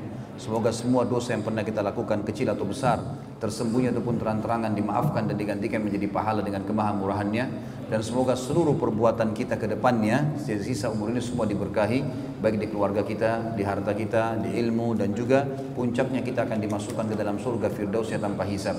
Dan kita selalu mendoakan saudara kita di Palestina, di Syria, di Yaman, di Irak, di Myanmar, di Ahsa, di mana pun mereka berada sedang terlindas. Semoga Allah ikhlaskan niat mereka, terima para syuhada mereka, dan juga Allah muliakan Islam di tangan mereka dan tangan kita semua. Dan semoga Allah mempartisipasikan kita bersama mereka di pahala, baik dengan doa dan harta juga dengan jiwa kita.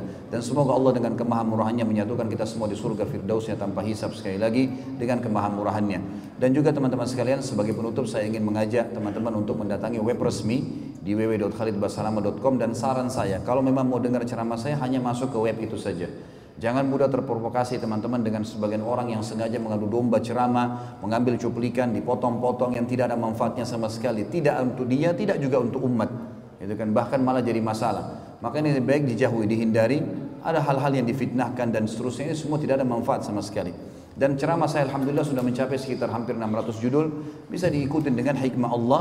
Selalu isinya kalau Allah, kalau Rasul. Gitu kan. Apa yang disampaikan, tidak ada sesuatu yang baru. Agama murni yang sedang dijaga. Maka ini saran saya. Kemudian yang kedua, saya juga menyarankan uh, Allah alam ini setiap ceramah saya. Kalau saya lagi sampaikan sebulan sekali tapi bagi teman-teman yang berminat untuk punya amal jariah tapi ini di Jakarta tentunya sekarang kami akan kami sedang membangun Islamic Center untuk masjid uh, kampus pelatihan dai dengan tentu ini ini nanti sekolahnya akan gratis ya. Untuk siapa saja minimal tamatan SMA eh, kemudian mereka bisa sekolah 2 tahun dengan target hafal 30 juz Al-Quran dan juga menghafal 1000 hadis dan insya Allah kalau kami bisa tingkatkan ke strata S1 kami akan programkan untuk STAI Sekolah Tinggi Agama Islam dan insya Allah diharapkan bisa menjadi da'i-da'i yang menyebarkan ajaran yang benar sesuai dengan Al-Quran dan Sunnah dan pemahaman salafil ummah yang kita harapkan begitu. Ini lagi sekarang pembebasan tanah dan juga pembangunan. Bagi yang berminat tentunya nanti bisa diserahkan kepada tempat masing-masing saja. Kayak teman-teman di sini bisa nyerahkan ke teman-teman eh, panitia Masjid Istiqomah. Nanti akan diberikan kepada saya ini untuk Islamic Center. Dan nanti bisa diiklankan di hari Jumat telah terkumpul untuk Islamic Center di Jakarta eh, jumlahnya sekian. Itu Allah alam termasuk bisa juga jadi amal jariah. Begitu teman-teman sekalian sampai ketemu insya Allah nanti malam semoga dalam keadaan sehat dan berkah. Subhanakallahumma bihamdika asyhadu an la ilaha illallah astaghfirullah wa atubu. Wassalamualaikum warahmatullahi wabarakatuh.